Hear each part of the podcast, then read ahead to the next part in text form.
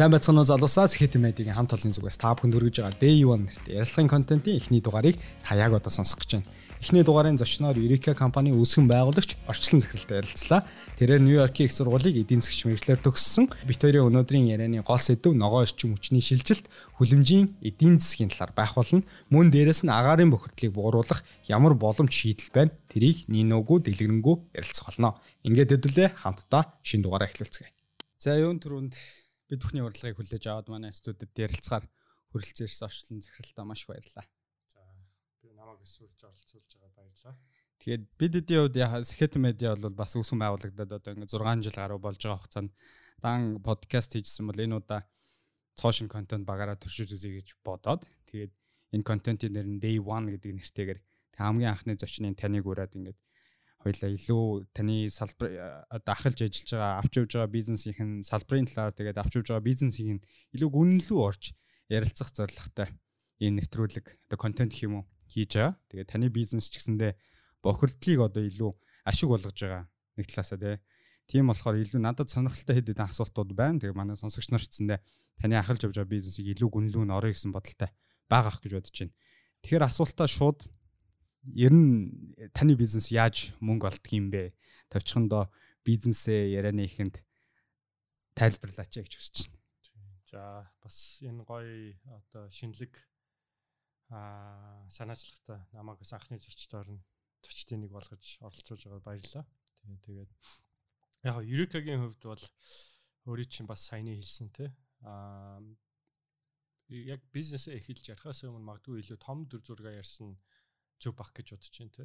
Яг энэ дэлхийн дулаар л за тэгээд энэ хүлэмжийн хий багасруулалт чи ямар ач холбогдолтой юм бэ те. Яагаад ерөнхийдөө сүүлийн хэдэн жил хүн болгон баг энэ хүлэмжийн хийг carbon credit гэж бас одоо сонсох болсон юм бэ. А ерөнхийдөө ингээд анзаараад байхад манай хүн төрөлхтөн бол одоо сүүлийн 20 21 дугаар зам бол эдийн засгийн хөгжил нь бол карбон дээр үндэслэгдсэн тийм эдийн засгийн тогтолцоон дээр хөгжсөн шүү дээ тий. Ер нь бол одоо ингээд нефтж байна уу? За одоо нүүрсж байна уу те? Манай бүх одоо энэ эрчим хүчний хэрэглээ а тодорхой хэмжээгээр бол одоо хүлэмжийн ялгаруулдаг тийм тогтолцоон дээр бол одоо ингээд асар их тийм хүжил болсон. А одоо бол тэр эдийн засгийн тогтолцоо нь өөрчлөгдөж байгаа тийм төр зураг харагдаад байгаа. А тэр нь ягаад гэж байна гэхээр за ер нь энэ эдийн засгийн а бүтцээс эдийн засгийн үйл ажиллагаануудаас үүсэж байгаа энэ хүлэмжийн хийн бол өөрөө манай дэлхийд хүн төрөлхтөнд эргүүлээд асар их хохиролтой юм байна. Тэ энийг нь бол одоо ингээд судлаад гаргачлаа. А энэ хохирол бол одоо ингээд 30 40 оноос ялангуяа бид нар дээр бууж ирээд яг одоо манай энэ бий болгосон эдийн засгийн тогтолцоог сүргөөр барыг тийм нураач хэмжээнд хүрэх боломжтой юм байна гэсэн тэмдэглэлтэн цаахаа өрсөн байхгүй тий. Ялангуяа одоо Парисын хэлцээрээс хойш. А тэгэнгүүт үндсэндээ яасан бэ гэхээр бидний өмнө нь ерөөсөө энэ хүлэмжийг гаргаж байгаа ялгаруулж байгаа ирээдүйн хохирлыг тооцч чаддгүй байсан.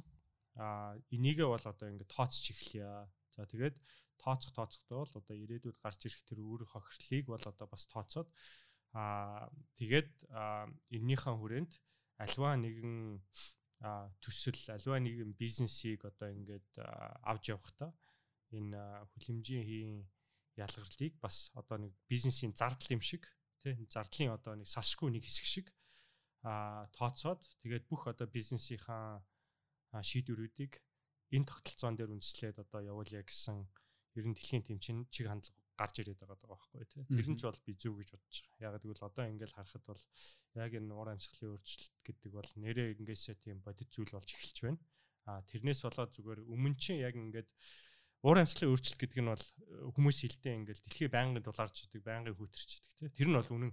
Аа тэгээд бас миний хэлдэг юм болохоор яг үнийг хэлэхэд ингээд бид нар а хүн төрөлхтөн уур амьсгалын өөрчлөлтийн эсрэг ингээл одоо ажиллаад тэрийг болиулах гал удаашруулах гал явж байгаа нь бол нэг тийм дэлхийгийн төлөө хийж байгаа зүйл биш байхгүй юу? Яг гэвэл дэлхий гэдэг нь өөрөө манай гариг бол энээс илүү долоон дор юм үтсэн үнээс илүү сайхан ч юм үтсэн тий. А яг ингээд бидний сүүлийн одоо хэдэн зуун жил бий болгосон дид бүтцийн эдийн засгийн тогтолцоо ч юм бол өөрөө нэг манай улс болгоны уур амьсгал нэг иймэрхүү байд юм аа. Далаа төвш нэг иймэрхүү байд юм аа. Яг тэрэн дээр тооцоологдож хийсэн тийм дид бүтц эдийн засгийн тогтолцоо байхгүй тий. А хэрв тэр одоо уур амьсгалын нөхцөл нь далайн төвшин одоо хэр их тундас одоо бороо ордог байсан хэмжээ нь ингээд асар ихээр хилбэлцээд ах юм бол одоо тэр сүүлийн 100 200 жил хөрөнгө оруулалт тэгээд бий болгосон дид бүтэц бий болгосон одоо тэр логистикуудын одоо схемүүд бий болгосон тэр эдийн засгийн тогтолцоо а тэр өөрчлөгдөж байгаа нөхцөлд тасан зохицох чадваргүй л тийм зүйл байгаа даа байхгүй. Тэ манай барилгууд, манай зам одоо тэр үерийн далан малан гээл бүх юм яг ингээд тодорхой хэмжээгээр жилд нэг тэдэн метр сантиметр бороо орд юм аа тий зөв жишээ аваад үзэх юм бол тий. Тийм болохоор бол сүүлийн 100 жил хэдэн метр дунджаар бороо орж исэн. А тэрэн дээрээ үндэслээл мэдээж эн чинь одоо ямар нэгэн барилга баримт байхад далан барихад бол тэрэн дээр л үндэслэж датан дээр үндэслэж тэрийг хийн штэ тий. А тэгэнгүүт тэр нөгөө ордог бороо нь ингээд багасаад юм уу ихсээд тий. Ялангуяа одоо ихсэх шинжтэй ч юм уу тий. Тэрнээс олж одоо нөгөө өмнө бий болгосон дид бүтцийн санхүүгийн эдийн засгийнхаа тогтолцоо нь тэр одоо өөрчлөгдөж байгаа цаг өөрт нийцэхгүй болж таарж байгаа байхгүй тий. Ерөнхийдөө бол би бол хувьдаа тэрийг л одоо нөгөө гур амсгалын өөрчлөлт тэрийг л ойлгоод идэв тий. А тэрнээс болоод асар их тийм хохирол аюул гарч болцсошгүй. А тэрийг одоо урьдчилан сэргийлэхийн тулд аль болохоор бизнесээ а аль болохоор ямар нэгэн улсын эдийн засгийн нэгж бүтээгдэхүүнийг хамгийн бага одоо хүлэмжийн хий ялгаруулалтаар одоо ингээд цааш нь үргэлжлүүлээ гэдэг тийм тогтолцоо тийм шийдвэр байгаа даа байхгүй тий. А тэгээд тэр дундаа бол одоо ямар шухан ялангуяа Парисын хэлцээрээр а за тэгээд энэний эхлэлийг нь бол одоо Кyoto протокол тавьж ирсэн. Юу вэ гэхээр ингээд за хүлэмжийн хийгээ бууруулах нь зүйтэй юм байна тий. А гэхдээ эний чи одоо ингээл гэрэл унтрааж байгаа юм шиг маргааш ингээл бүх улс ингээл бүх нүүрсэн станцуудаа байхгүй болгоод бүх одоо бензинээр ажилтдаг машинуудаа байхгүй болгоод бүгдийг нь одоо нэг жилийн дотор цахилгаан машин болгох бол боломжгүй тий тэрийг харгалзаад бол одоо яасан гэхээр за ингээд улс орнууд ингээд өөрсдөө одоо 30 он гэхэд хүлэмжийн хийгээ бууруулах тийм зорилтууд тавьчих. А тэрэндээ мэдээж аль болохоор хүрх гээд ажиллах хэрэгтэй. А хэрв одоо ингээд компаниуд улс орнууд тэрэндээ хүрч чадахгүй юм бол а тэр даван биелүүлж байгаа компаниудаас даван биелүүлж байгаа төслүүдээс өөрөөр хэлбэл хүлэмжийн хийгээ бууруулж чадчих байгаа компани төслүүд улс орнуудаас тэр даван биелүүлж а бууруулсан хүлэмжийг нь кредит болгоод худалдаж аваад тэгээд одоо өөрсдийнхөө тэр зорилт дүүцүүлээд одоо ашиглачаа гэдэг тийм механизм багхгүй тэр одоо carbon credit гэдэг.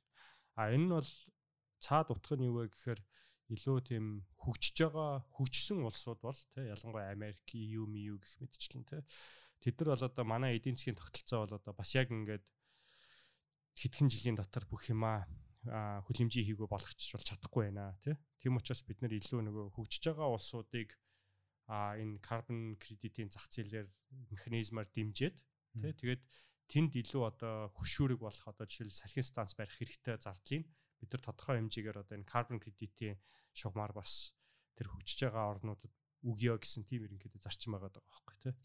А зөвөр Ерикагийн хувьд бол зөвөр би өөрөө бас энэ сэргээгтэрч хүчний салбарт бол одоо нэг 10 хэдэн жил ажилласан. За тэгээд зүгээр 2021 онд юу ухаарсан бэ гэхээр яг мэдээж энэ carbon credit-ийн зах зээл гэж бол байгаа.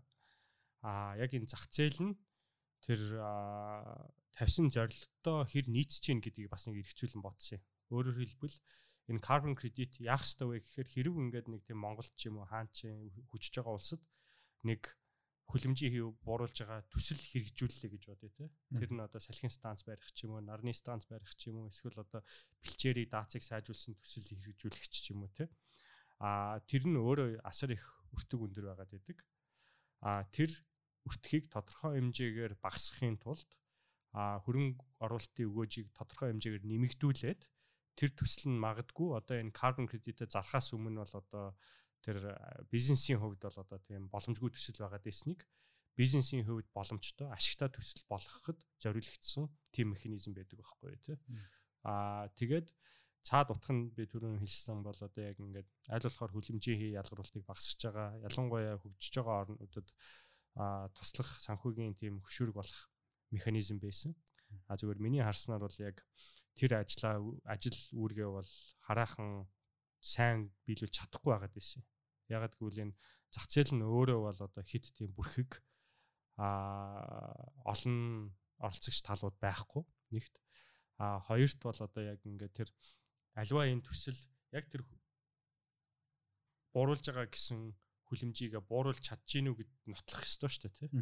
Тэрийгээ бол яг ингээд бас зүг сайн хийж чадахгүй байхад байсан байхгүй. Тэр нь бол одоо маш тийм өндөр өртөгтэйгээр одоо жишээл Монгол нэг хүн хүлэмжийн хий бууруулж байгаа төсөл хэрэгжүүллээ гэхэд өмнө яадаг байсан бэ гэхээр гадаадаас тийм зөвлөхүүд хүлсэлж аваад аудиторууд хүлсэж аваад тэд нар нисэж ирээд газар дээрээ баахан судалгаа одоо яг төсөлтэй танилцаад те сайт визит эдэр хийж игээд тэгээд тэрний үндсээр ерөнхийдөө бол яг энэ за энэ төсөл бол одоо жилд хэдэн тонн хүлэмжийн хий бууруулах юм байна гэдэг дүгнэлтээ гаргаад тэрний үндсээр нь тэр carbon credit-ийг олгоод тэгээд тэр төсөл нь тэр carbon credit-д борлуулах ер нь бүрддэг байсан юм. А борлуулыг гисэн ч гэсэн яг тэр одоо нөгөө юу гэдэг хувьцаа шиг, бонд шиг а тийм нээлттэй тэрийг борлуулах тийм зах зээл нь бас байхгүй байгаа байхгүй. Тэгэхээр Eureka-гийн хувьд тэрийг энэ хүлэмжийн хийгийн ялгаруулалт энэ carbon зах зээлийг бол аль болохоор ил тод болгоё. Ил аль болохоор олон хүнд хүртээмжтэй болгоё гэдэг тийм зорилгын дагуу анх үүсгэн байгуулагдчихсан.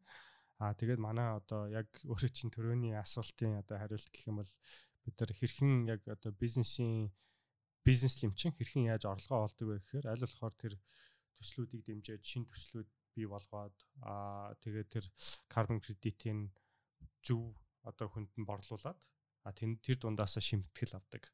Тийм одоо бизнесийн загвар байгаа. Одоо танах сүүл Paris-ийн гэрээ чинь баг 2016 онд хэлэлцэгдсэн баг тий.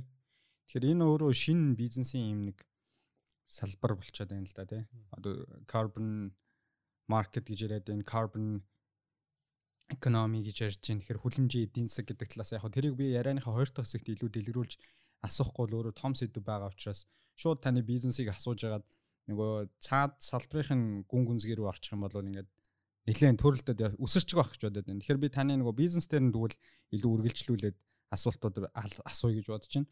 Танахтай төстэй ер нь олон улсад бас амжилттай явж байгаа ямар компаниуд вэ? Та одоо жишээ болгоод ярих гэх юм бол мэдээж одоо танах ч байгуулагдаад хоёр дахь жил рүүгээ орж байгаа. Тэгэхээр одоо гарааны бизнес гэдэг утгаараа явж байгаа шүү дээ. Тэгэхээр яг та хэд маань гэсэн доо зах зээл дээр бас л мөр зэрэгцэж яваа олон улстай мөр зэрэгцэж яваа төвшөнд байна уу? Түүчэлэгч нар аль үжи ингэ зах зээл дээр гараад цойлоод явж гинүү гэсэн асуулт байна. Тий яг хав бид нар бол олон улсын зах зээл дээр баг хамт эхэлсэн гэж болно. Одоо юу гэдэг энэ карбоны зах зээл дээр технологи ашиглаад иймэрхүү шийдлүүд гаргаж байгаа компаниуд бол за хамгийн одоо хуучны нь гэх юм бол нэг 20 юм уу 21 оноос л үйл ажиллагаагаа идэвхтэй явуулж байгаа бах тий. Тэгэхээр бид нар бол бас яг ингээд энэ дээр нэг тийм өөр улсын компаниудаас хоцрогдсон гэхээсээ илүү одоо яг хамтдаа хөгжөөд хамтдаа энэ зах зээл нь ч гэсэн яг өөрөө ялангуяа 2021 оноос эхлээд бол асар өөр бүтцлүү шилжиж эхэлж байгаа. Аа тэгээд нөгөө миний төрөний хэлсэн асуудлуудаас болоод ч гэсэн оролцогч талууд, олон улсын засгийн газрууд нүүбч гэсэн өөрөө энэ бол одоо өдий хүртэл Киотогоос үүсгэн байгуулагдсан зах зээл хангалттай сайн хэрэгжиж чадахгүй байна. Энийг илүү нээлттэй болгох хэрэгтэй юм байна. Энд илүү технологи нэвтрүүлэх хэрэгтэй юм байна гэдэг нэг 21 оноос л одоо тиймэрхүү чиг хандлага гарч эхэлж байгаа даа байхгүй тийм. А тэгэхээр тэрний мэдээж жаргал байгаа, зовлон байгаа. Жаргал нь гэвэл одоо бас бид нар яг ингээд нэг тийм том Google шиг ч юм уу те. Өмнөхөөс авах юм байхгүй шүү. Тий авах юм нэг тийм өрсөлдөгч байхгүй чинь бас зовлонтой юм биш. Яг гэвэл би бол одоо ингээд өрсөлдөгч байвал амар гой санагдаад байгаа байхгүй. Энээс энийг аваад энийг аваад ингээд ингээд хідүүлээ сайжруулад ингээд гой нийлүүлээд сайжруулчих гэвэл амар гоё те. А тэгэнгүүт чинь бас яг тийм дүүр ах хөнгүү байна гэдэг чинь өөрөө бас хэцүү юм байлээ те. Нэгт а хоёрт бол бид нар бол ганц тэр технологийн бизнесийн шийдлийг гаргах гэхээсээ илүү бас тэр одоо яг ингээд бүр хууль эрх зүйн тогтолцоог нь хүртэл ямар шухан байх ёстой юм бэ гэдэг дээр санал бодлоо илэрхийлэх тийм шаардлага гарч байгаа байхгүй юу. Жишээл одоо жишээл Сингапурын засгийн газар бид нар руу өнгөрсний жил хандсан байхгүй юу. Сингапурын stock exchange бас ийм carbon credit наймаалах одоо desk нэгж байна. Одоо нээсэн олон банкнуудтай нийлээд Тэгээ тэр бол зөвхөн тийм арилжааны exchange байхгүй тий.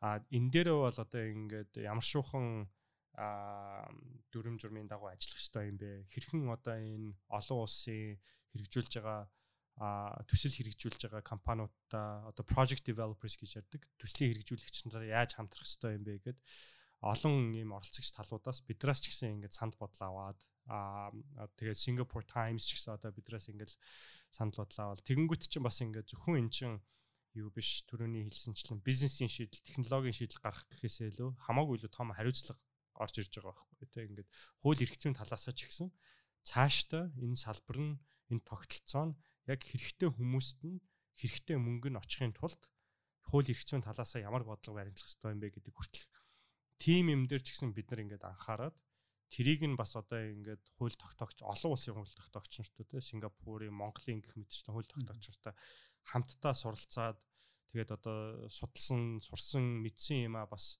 тэднэрт ингээд дамжуулаад тэгээд явж байгаа болохоор а энэ бол төрөний хэлсэнчлэн бас яг нэг салбар нь олон улсад ингээд дөнгөж эхэлж байгаагийн бас тийм өөр бэрхшээлүүд бол байдаг юм байлээ тий маш тийм сонирхолтой таасаа дурдж нөгөө өмнө хин нэг ингээд туулж үзээд алдаа оноо нь бас мэддэхгүй байгаа шин салбар учраас гээд хүндрэл бэрхшээлүүд ярьж ах шиг нь. Тэгээд таны 5 жилийн өмнө баха би нэг яриаг нь сонсч байсан. Nucom Group-д цогццсон Өмнөгөө аймгийн цогццсон сум 50 мегаваттын салхин салхин паркын төсөл дээр бол таахалж ажилласан хүн тий. Тэр ярилцлага дээр одоо би нөгөө яагаад энэ хүнд бэрхшээлтэй төсөл рүү орох болчихоо гэдэг талаас нь асуултыг асуух асуух гэдэг. Тэрэн дээр нэг ийм үг байсан би одоо ингээд таны цаашдын стратегийг хөтлөгч нь асуусан чинь нөгөө карьерийн хувьд яах вэ гэсэн чинь Nucom Group-т бол би ер нь дахиад нэлээд хэдэн жил ажиллах хаа. Ер нь барыг зүгээр инээмсэглээд амьдралаа зориулах хаа гэж хэлжсэн. Тэгээд тэр өөрийнх нь амбиц карьерийн юу энэ төсөл рүү татчваа, яагаад энэ төслийг эхлүүлэх болвоо гэдэг тэр эхлэл цэг рүү н очих гэж энэ асуултыг хөндөж байгаа юм шиг. Тэг яг хаа тэр үед бол мэдээж би чинь 27 таа билүү да. Тэгэхэд яг одоо ингээд манай тузынхан хуралдаад би бас мэдээж тузын нэг гишүүн байсан. Тэгээд энэ төсөл бол асар их ач холбогдолтой төсөл юм а тий. Мэдээж одоо өмнгийн говьд салхин станц хамгийн анхныхын салхин станцыг барьна гэдэг бол асар ач холбогдолтой. Тэгээд тэгээд SoftBank бас одоо тэрэн чинь хөрөнгө оруулалт хийжсэн. Гол хөрөнгө оруулагч нь. Тэгээд энэ бол одоо маш том юмны эхлэл болох юм байна гэж мөрөөдж ирсэн. Тэгээд маш одоо миний өмнөгч тэр надтай хамтж ирсэн ажиллаж ирсэн олон мундаг залуучууд те. Аа тэгээд тэр үед бас хуралдаа за эндээс бас нэг тузын нэг гишүүн нь өөрөө яг энэ төслийг гардаж аваад хэрэгжүүлэхгүй бол бас яг ингээд нэг хангалттай тийм фокус э, сайн хурдан явж чадахгүй байна. Тэр үед зөвхөн цаасан дээр л байсан төсөл байгаа байхгүй тий. Тэгээд за одоо би орчлон ингээд чи гүцэх цахилнууд л яасан ингээд тэгээд мэдээж би хүлэн зөвшөөрөө тэгээд авч явж байсан. Тэгээд тэр төсөл бол маш амжилттай төслөөс одоо бид нар бол одоо ингээд харахад бол одоо нэгэн жилийн дотор тий 50 мегаваттын салхин станцыг ингээд бий болгоод ашиглалтанд оруулсан. Тэгээд би бас тэр үед яг нэг тийм юунд орж ирсэн. Panic attack гэж ярьдэн шүү дээ тий. Дөнгөж ажиллаа авчаад би инженер хүн биш а салхин станц одоо барих байх ба яаж ч барьдгийг мэдэхгүй. Хаанаас нь ч яаж эхэлтийн тий. А харж очиж үдчихсэн л гэхээс биш тий. Эдийн засагч мэрэгчлээ байгаа гэдэг тий. Аа тэгээд өмнө нэг тийм барилга өсөлтийн ажил хийж үзэж байгаагүй тийм туршлага байгаагүй тий. Тэгээд мэдээж бол амжилттай ард нь гарсан. Аа тэгээд тэр явцанд бол би яг энэ уур амьсгалын өөрчлөлт гэдэг чинь ямар ийм хоолоонд ирсэн тий асуудал юм бэ гэдгийг бол өөрөө бол ингээд тэр чинь нэг 6 жилийн турш ингээд маш их сайн мэдэрч байгаа юм тий. Ялангуяа говьд очиод ажиллана гэдэг чинь. Тэгээд тэр чинь салхин станц барина гэдэг чинь маш олон тийм ажлын үр дүндээр тулгарч баригдаж байгаа. Зөвхөн байрлал өсөлттэй ажил биш. Одоо нэг орон нутгатайгаа хамтарч ажиллана гэх мэтчлэн тий. А тэрний явцад би юу ойлгосон бэ гэхээр яасан юм.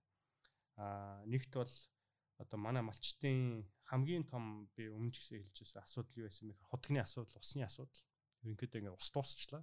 Одоо өөрсдийнх нь ус малдаа өгч ус те. Тэгээд ингээд хотгийнхаа төлөө нэг нэг нь тэгээ зодтолдог ч айлууд байс те. Тэр чинь л өөрөө бас яг нэг тодорхой хэмжээгээр бол уур амьсгалын өөрчлөлттэй нэг том илэрхийлэл те.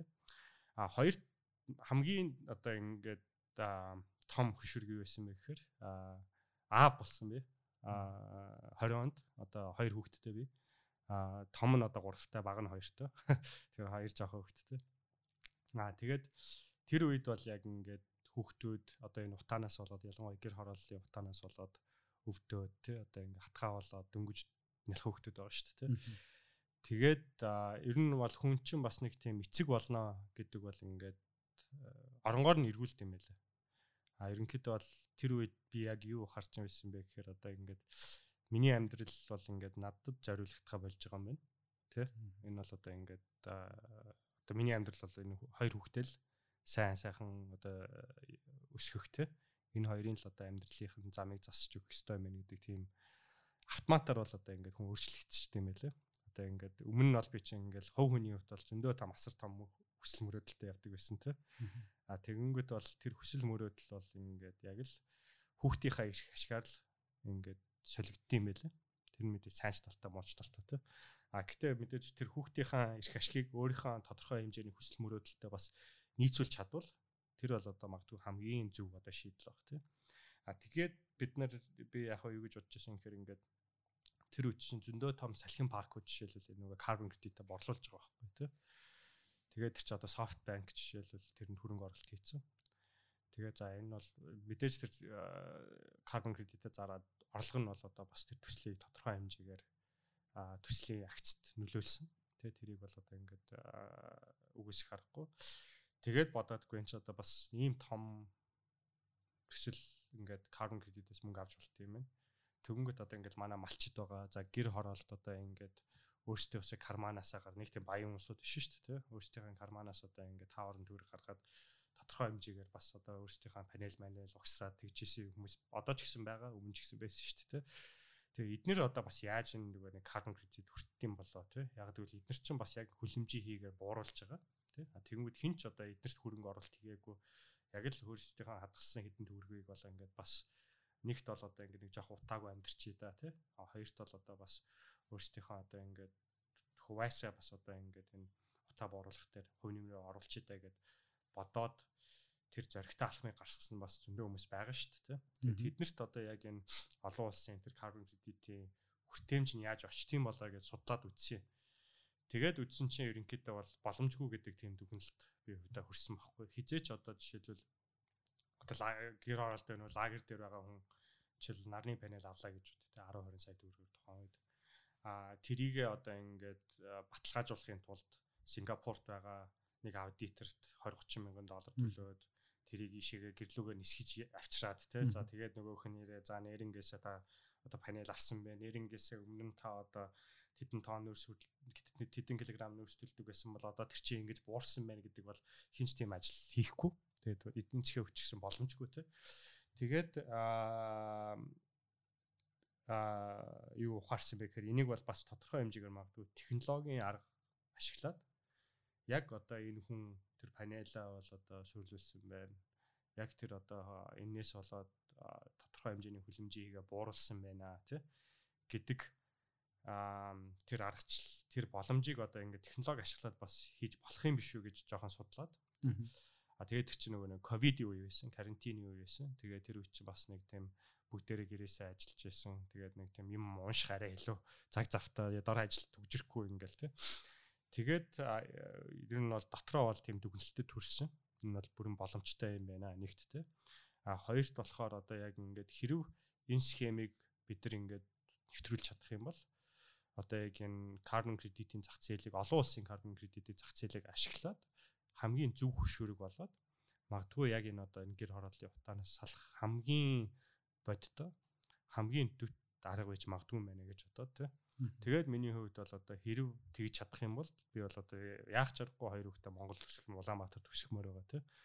Аа тэгээд одоо тэдний эрүүл мэндийн тодорхой хэмжээгээр одоо ингээд тэр баталгааг нь өөрийнхөө одоо боломжоор хангаад энэ дээрээ бас ингээд үр нэмэр үзүүлээд явах боломж мэдээж одоо тэрний бол бүтлгүүтх нь бол одоо тухайн үед 99% байсан. Одоо магадгүй нэг 90 80 хүртэл яж яж магадгүй те бас л одоо юу ч баталгаатай биш шүү дээ те а гэтээ ингээд тийм хонглын эцэст ингээд гэрэл харагдцсан болохоор тэн дээр бол би зүгээр хариуцлагын хувьд а энэ бол одоо бүхнээс чухал юм байна те нэгт хоёрт бол одоо яг нөгөө миний өмнө хэрэгжүүлж байсан төслүүд бол бүгдээрээ яг тэр тухайн компани хөлөө олцсон одоо нэгт би тэр өдөр тутамд бол заавал тэр менежментэнд байх хэрэг шаардлагагүй байсан болохоор ер нь бол хувь хүний хувьд бол одоо яг тэр ихтгэл өмчлөгийн хувьд тэр тухайн үед тэр шийдвэрийг гаргаад тэгээд Eureka-г үүсгэн байгуулсан байна. Маш олон хүчин зүйл нөлөөсөн байна тий. Тэгэхээр яг өөрийн бизнес эхлүүлэхэд та хэдтэй байсан бэ? 29 30 уу? Яг Eureka-г эхлүүлсэн байсан. 30 гарсан байсан. Тий 31 мэг байсан болов 30 32 та байсан баг. Тэр анх эхлүүлэхэд би илүү нөгөө дараагийн яг та бизнесийн аа бүтэц рүү орохоос өмнө нэг ийм асуулт байгаа да. Таасаа хэллээ. Анх эхлүүлэхэд одоогоос 2 жилийн өмнө Eureka гэдэг та бүхэн энэ бизнесийг эхлүүлэхээс өмнө бүтлгүүдэх магадлал за 98, 95-аас 98 байж. Одоо бол тодорхой хэмжээнд буурчаад байна шүү 2 жилийн хугацаанд. Тэгэхээр та тодорхой хугацаанд бас үр дүнгууд амсаад энэ бизнесийг эхлүүлээд багаад анхны баг нь ингээд тэлээд анхны хөрөнгө оруулалтууд аваад яваад илүү их том амбиц тавиад ингээд явж байгаа гэж бодож байна. Өнөөдрийн Eureka гэдэг бизнесийн санхүүгийн дүр төрхийн та нэг өнөөдрийнхөөр нэг хэлээч. Яг компани нууц гэж магадгүй. Гэхдээ ямар төвшөнд явж байна? 2 жил болцсон анхны хөрөнгө оруулалт, ерөн хөрөнгө оруулалт одоо мөнгө өрөх шатандаа л явж байгаа. Технологи хөгжүүлэх үе шатандаа явж байна уу? Тийм яг бид нар чинь яг өнгөрсөн жил одоо өнгөрсөн жилийн 3 4 сараас л бүрэн яг үйл ажиллагаанд орсон. Тэгэхээр бол яг нэг үйл ажиллагаа эхлээд жигдрээд нэг жил болж байгаа л гэж хэлж болохоор байхгүй тий. А тэгэхэд бол одоо ингээд дэлхийн маш том компаниудтай аль хэдийн гэрээ зурцсан. Аа тэгээд орлогын хувьд бол олон улстай ганц Монголтой биш шүү. Сингапурт бид нар ч одоо жишээл бид нар ч гурван газар офистой. Улаанбаатарт, Сингапурт, Австралийн Брисбен хотод. Одоо манай CFO Брисбенд байдаг байхгүй юу? Аа тэгээд томоохон уулуурхайн компаниуд, томоохон одоо санхүүгийн компаниуд, томоохон а индастриал компаниудтай бол одоо ингээм хамтраад ажиллаад явж байгаа. Тэдний юм бол одоо аль болохоор зөв а төсөлд тэд нэр хөрөнгө оруулалт хийгээд зөв төслийг бий болгоод тэгээд тэр хүлэмжийг хийгээ өөрсдийнхээ компанид хүлэмжийг хийгээ багс одоо тэр төслүүдээс бий болсон хүлэмжийн хий ялгаруултыг багассан хэмжээг өөрсдийнхээ компанид одоо ингээд дүүцүүлэх тийм ажлыг ингээд хамтраад хийгээд явж байгаа даа байхгүй тий. Хажуугаар нь одоо жишээлбэл энэ гэр хорооллынхаа төслийг бол бид нэр өнгөрсөн дөнгөж эхэлж байхад бол Азийн сан бид нэр 5 айлд энэ туршилт хийх тийм грант өгч байсан юм Тэгээд яг энүүгээрээ бид нар бол одоо жишээлбэл технологио тэр 5 айлдаа нэвтрүүлээд тэгээд тэр 5 айл маань бол одоо 100-аа халаад 100-аасаа 100-аа гаргаж аваад гэрээ битүүлээд нарны панелаар бол одоо ингээд хоёр дахь өглөө ингээд аваад явж байгаа байхгүй тий. Тэрийг бид нар бол яг технологи ашиглаад тэдэн тоон хүлэмжийг бууруулсан байна гэдгийг баталгаажуулаад бүх хэмээн тэр баталгаажуулж тэр кредитийг бий болгоод тэрийг одоо жишээл ингээд борлуулсан. Тэд нар бол ингээд өнгөрсөн энэ жил өнгөрсөн жилийн 9 сард яг хичээл эхлэхээс өмнө тэр кредит борлуулсынхаа орлогыг ингээд авцсан тий.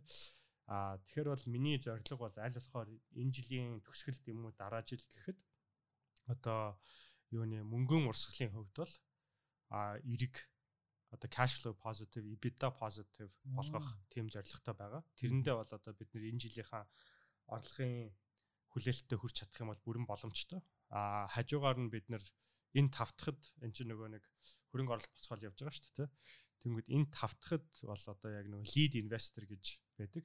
Тэр маань одоо тодорсон. Яг одоо тэд нар олон улсын том хөрөнгө оруулагч компани venture capital гэдэг шүү дээ.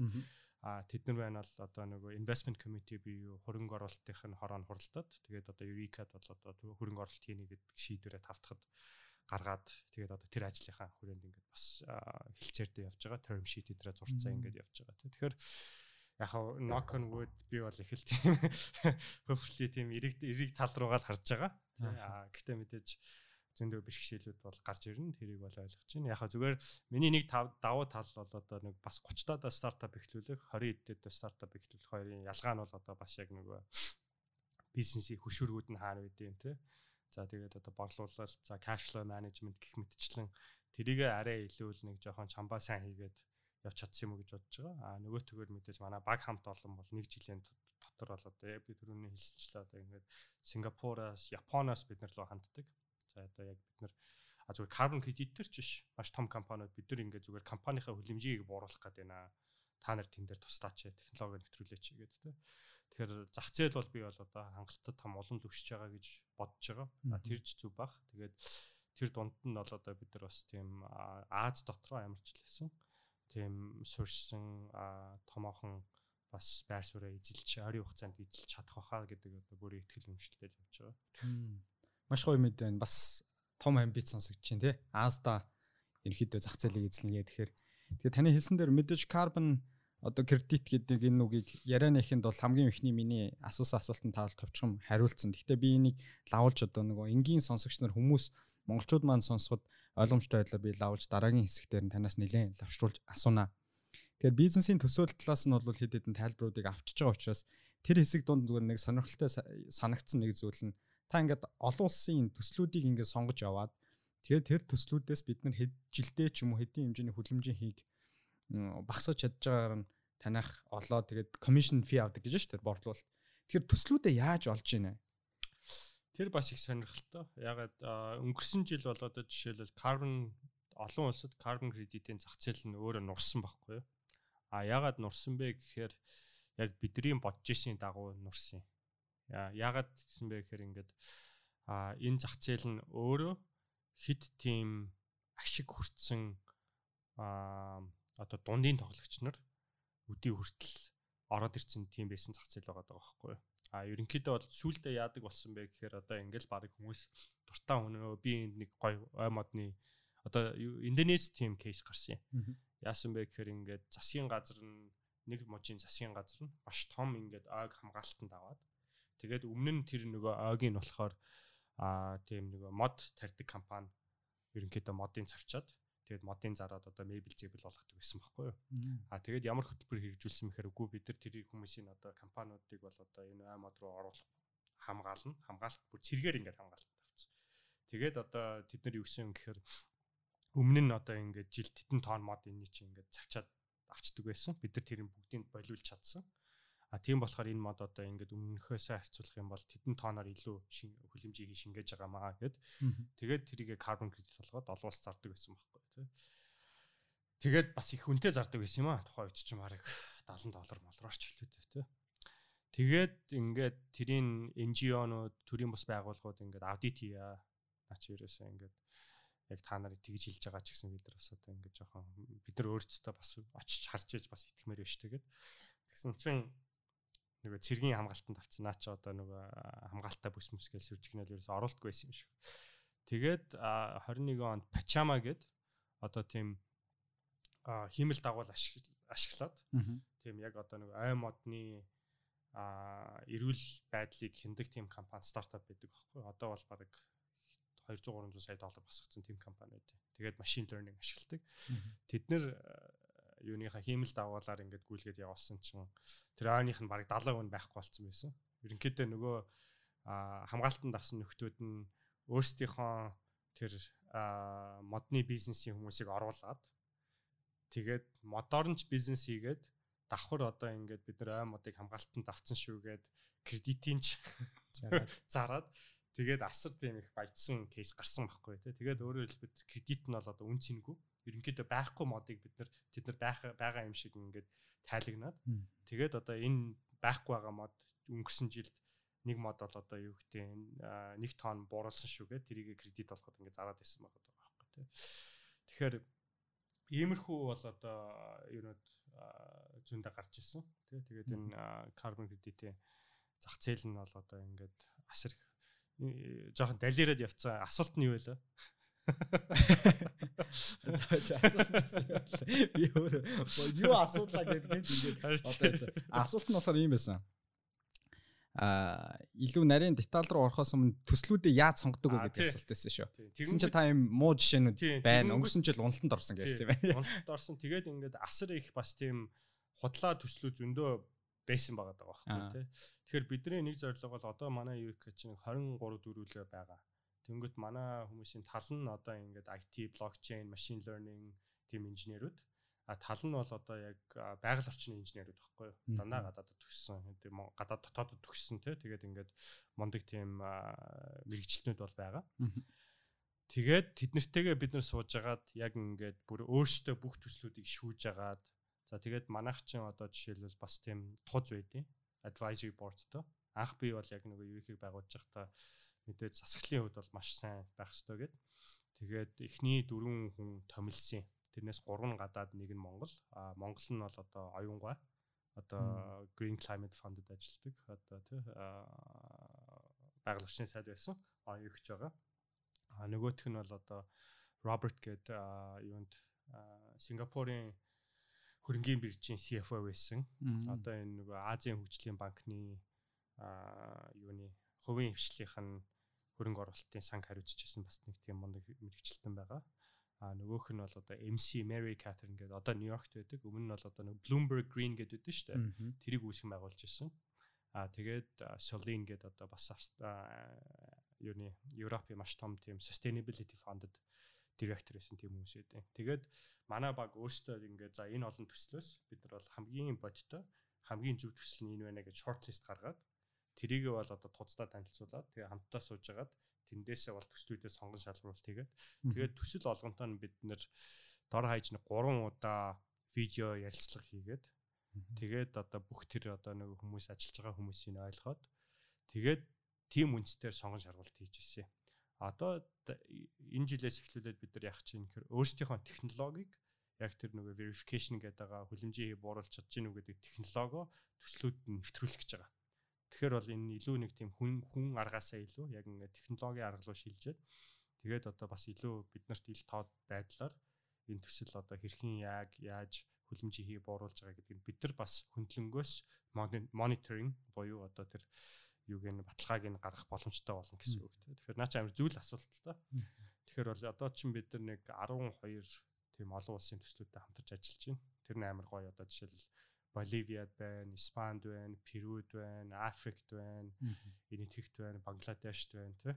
Тэгээд зарим нь ай модны төсөл байна. А зарим нь бол одоо ингээд жижиглэнгийн тийм нарны панел хэрэгжүүлж байгаа. Зарим нь бол одоо ингээд а усыг одоо далайн усыг эсвэл одоо нэг тийм бохир усыг тийм сэргээгтэрч юм уч ашиглаад цэвэрлээд тийм ундны ус болгоод тэрийгээ бол одоо яг юм тийм а одоо нийгмийн эмзэг бүлэгт усаар хангах жишээ тийм Бангладеш шинэ төсөл байгаа байхгүй тий.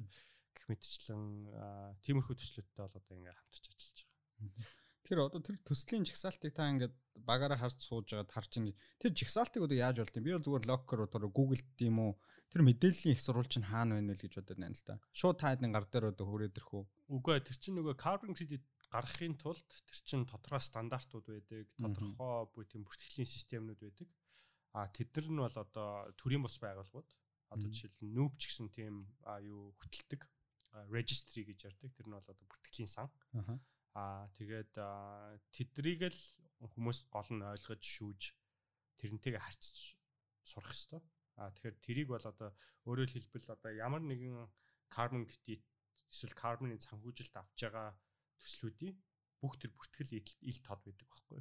А тэрний гэхдээ баг 5 6 тийм нэг нэгнтэйгээ ярьдгүү бүртгэлийн системүүд байдیں۔ Тэгэхээр тэрийг одоо ингээд шүүж тэгээд тэрний дагуу бол одоо тэн дээр одоо жишээл дараа нь ч гэсэн бид нэр сүлдө хиймэл оюу ашиглаад бас тэр шүүлтийн процессыг илүү тийм автоматжуулсан.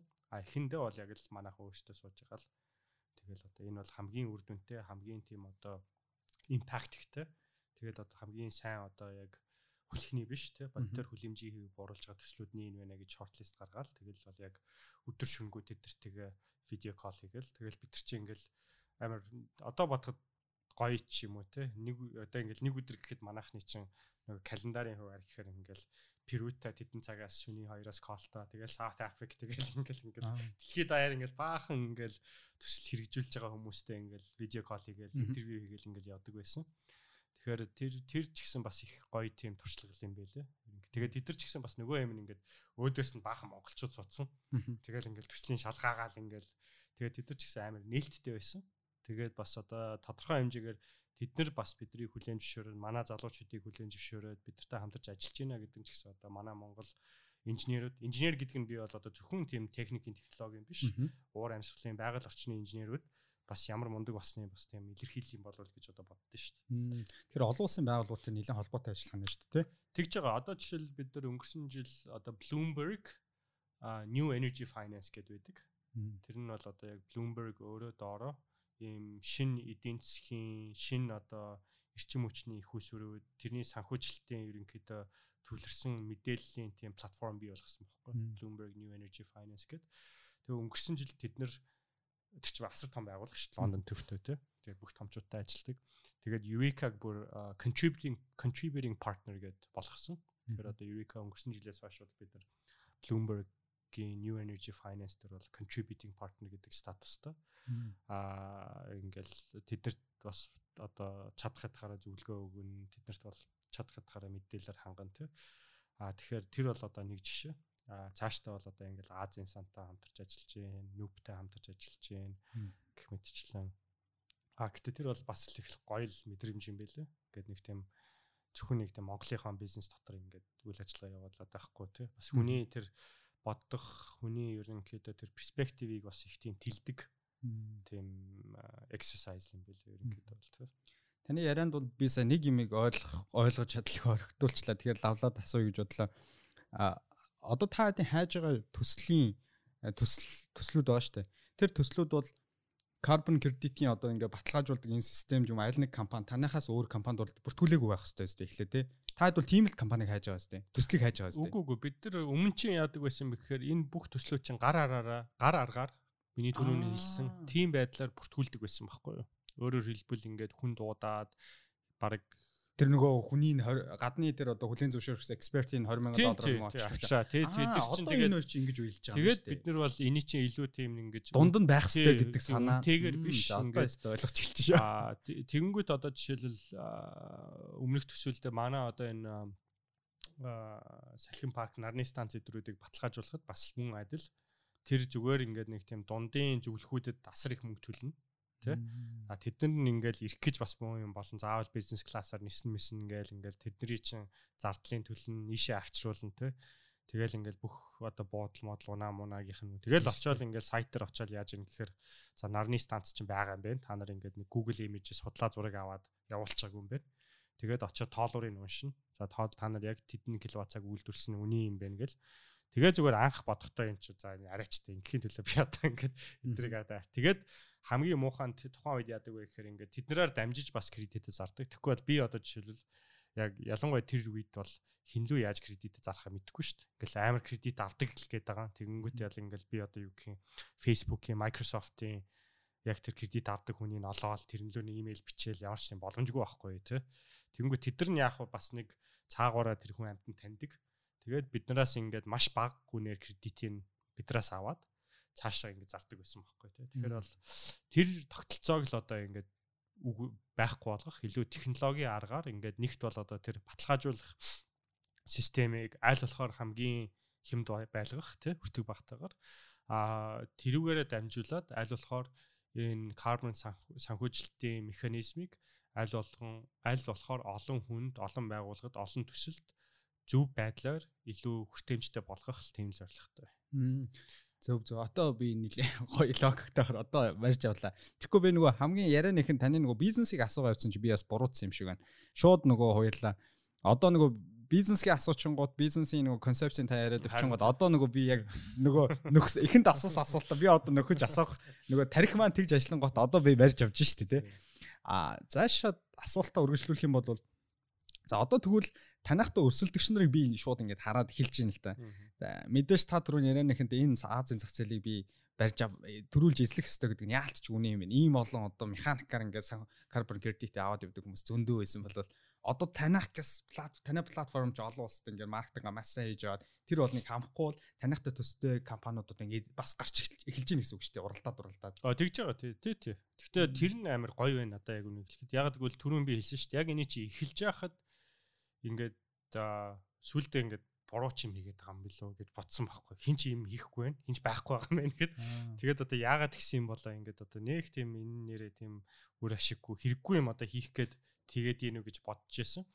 А тэгэнгүүт чинь бас яг ингээд нөгөө өөр одоо өрсөлдөгч гарч ирж байна гэдэг чинь зах зээл нь өөрөө бас яг тийм зөв зах зээл юм байна. Энэ дээр бол одоо олон хүмүүс а шийдэл гаргаж иж А бидний эцсийн зорилго бол аль болохоор энэ carbon санхүүжилтийн механизмыг илүү ил тод нээлттэй олон хүнд хүртээмжтэй болгох тий.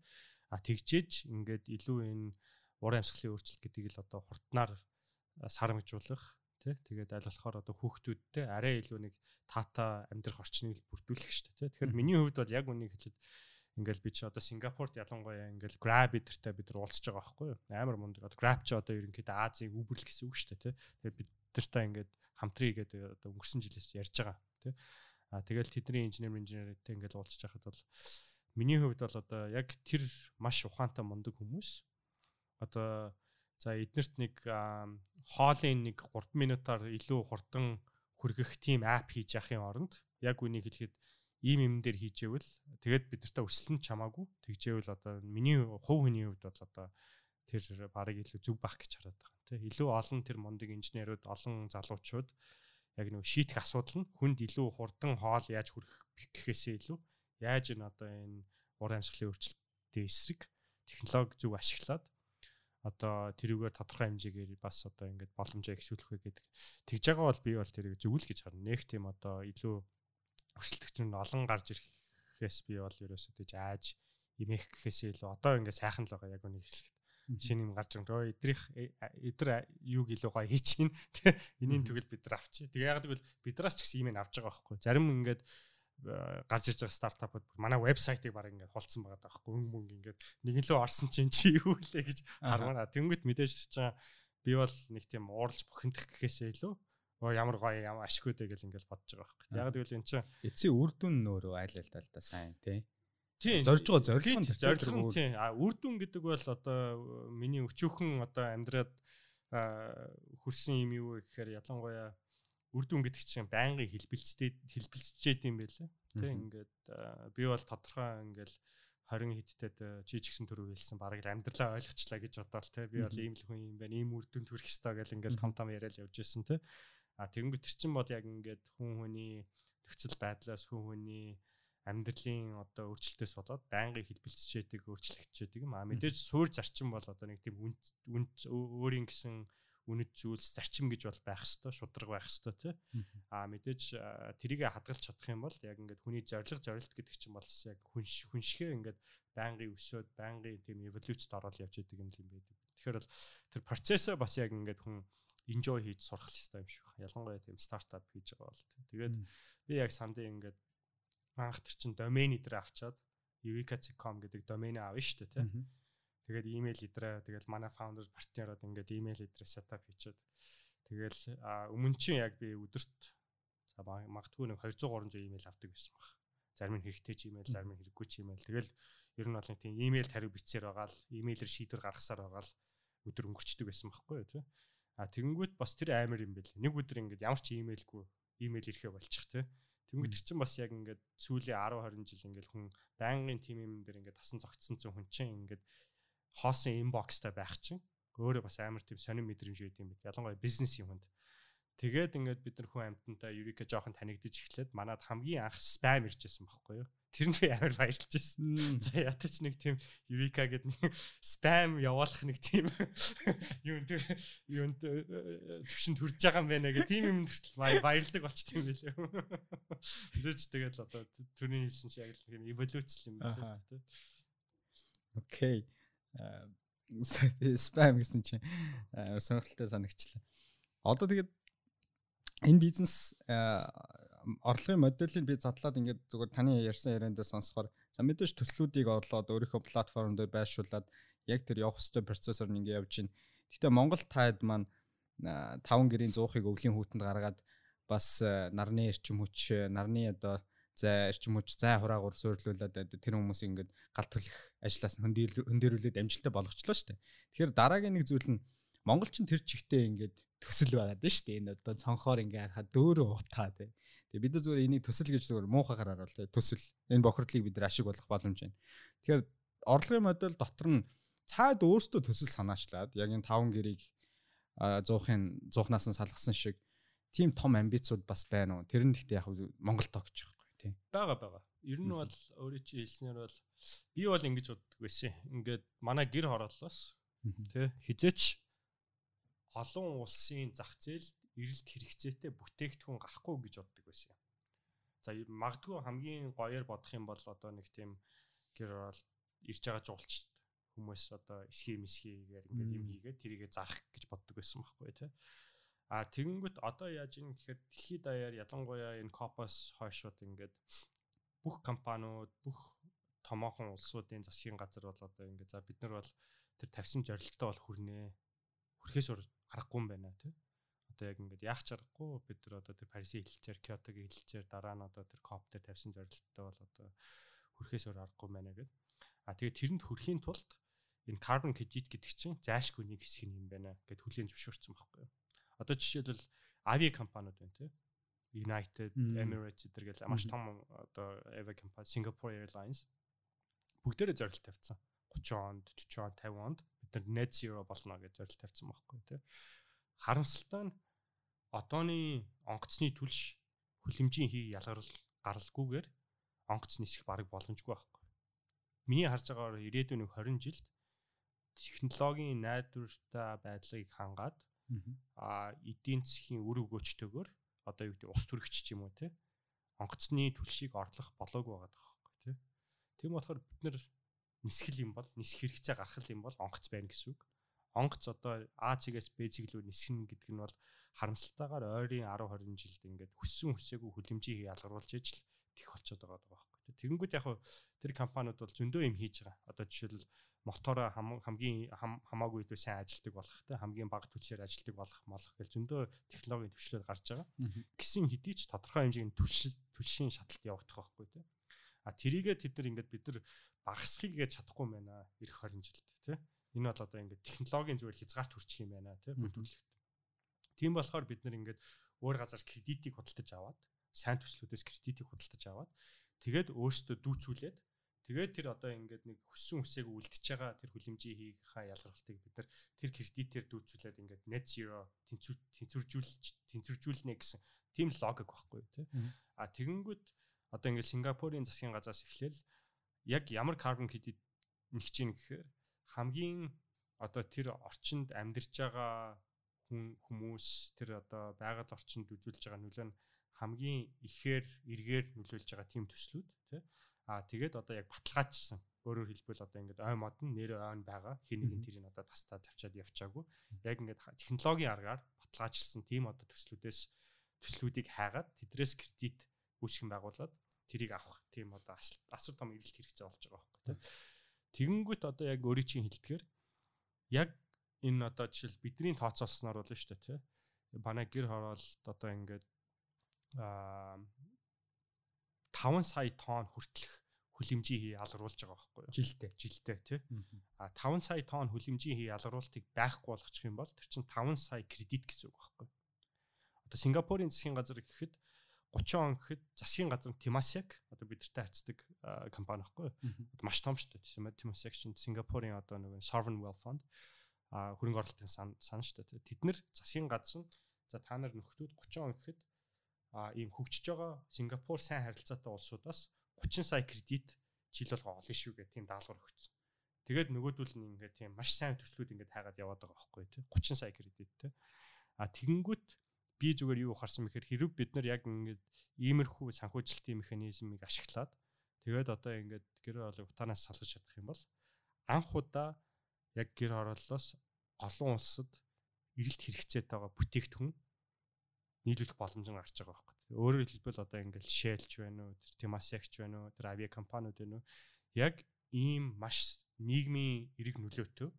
Тэгээд бүр яг ингээд хүлэмжийн хийм буурж байгаа нь баталгаажсан тим кредитийг асар их үн цэнтэйгээр авах тэр хүсэл эрмэлзэл нь бол байгаа. Тэгээд одоо бол яг тэр нөгөө хууль эрх зүй тэгээд санхүүгийнх нь боломж нь одоо ингээд нэгдэт эхэлж байгаа даа байхгүй тий.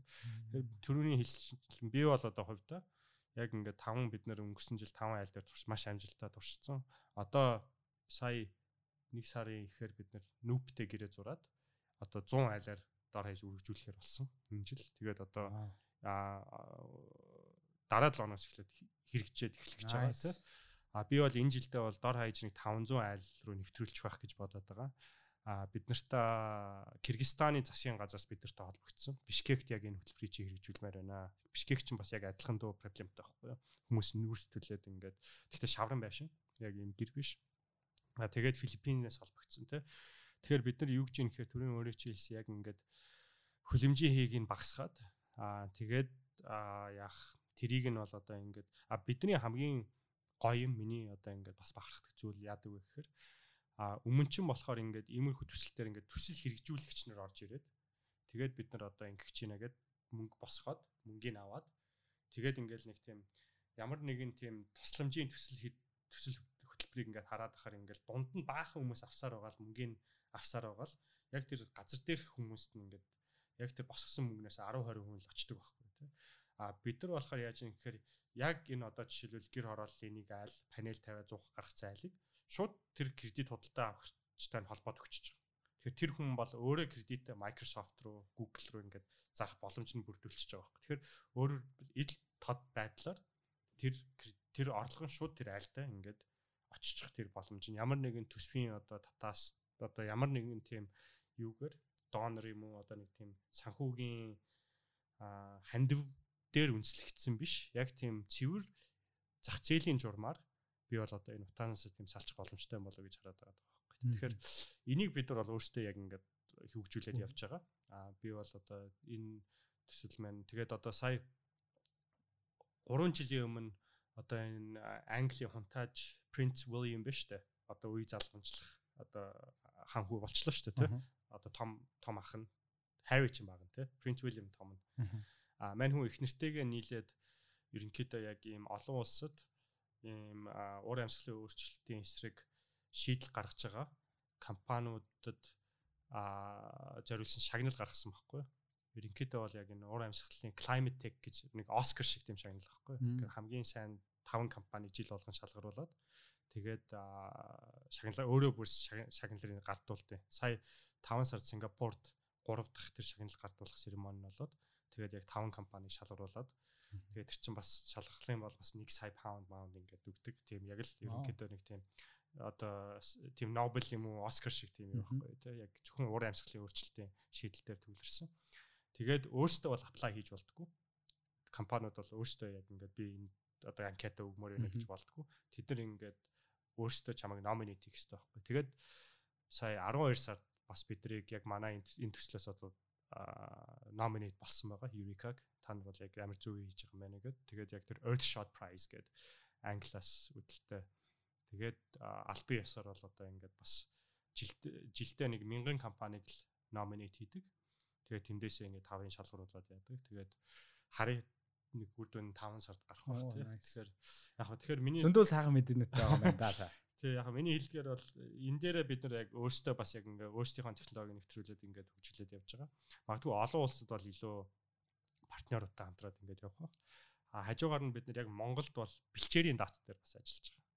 Яг ингээд grasslands гэж ярьдаг. Одоо ерөнхийдөө манай бол одоо монголчин бол асар их тийм бэлчээртэй тий.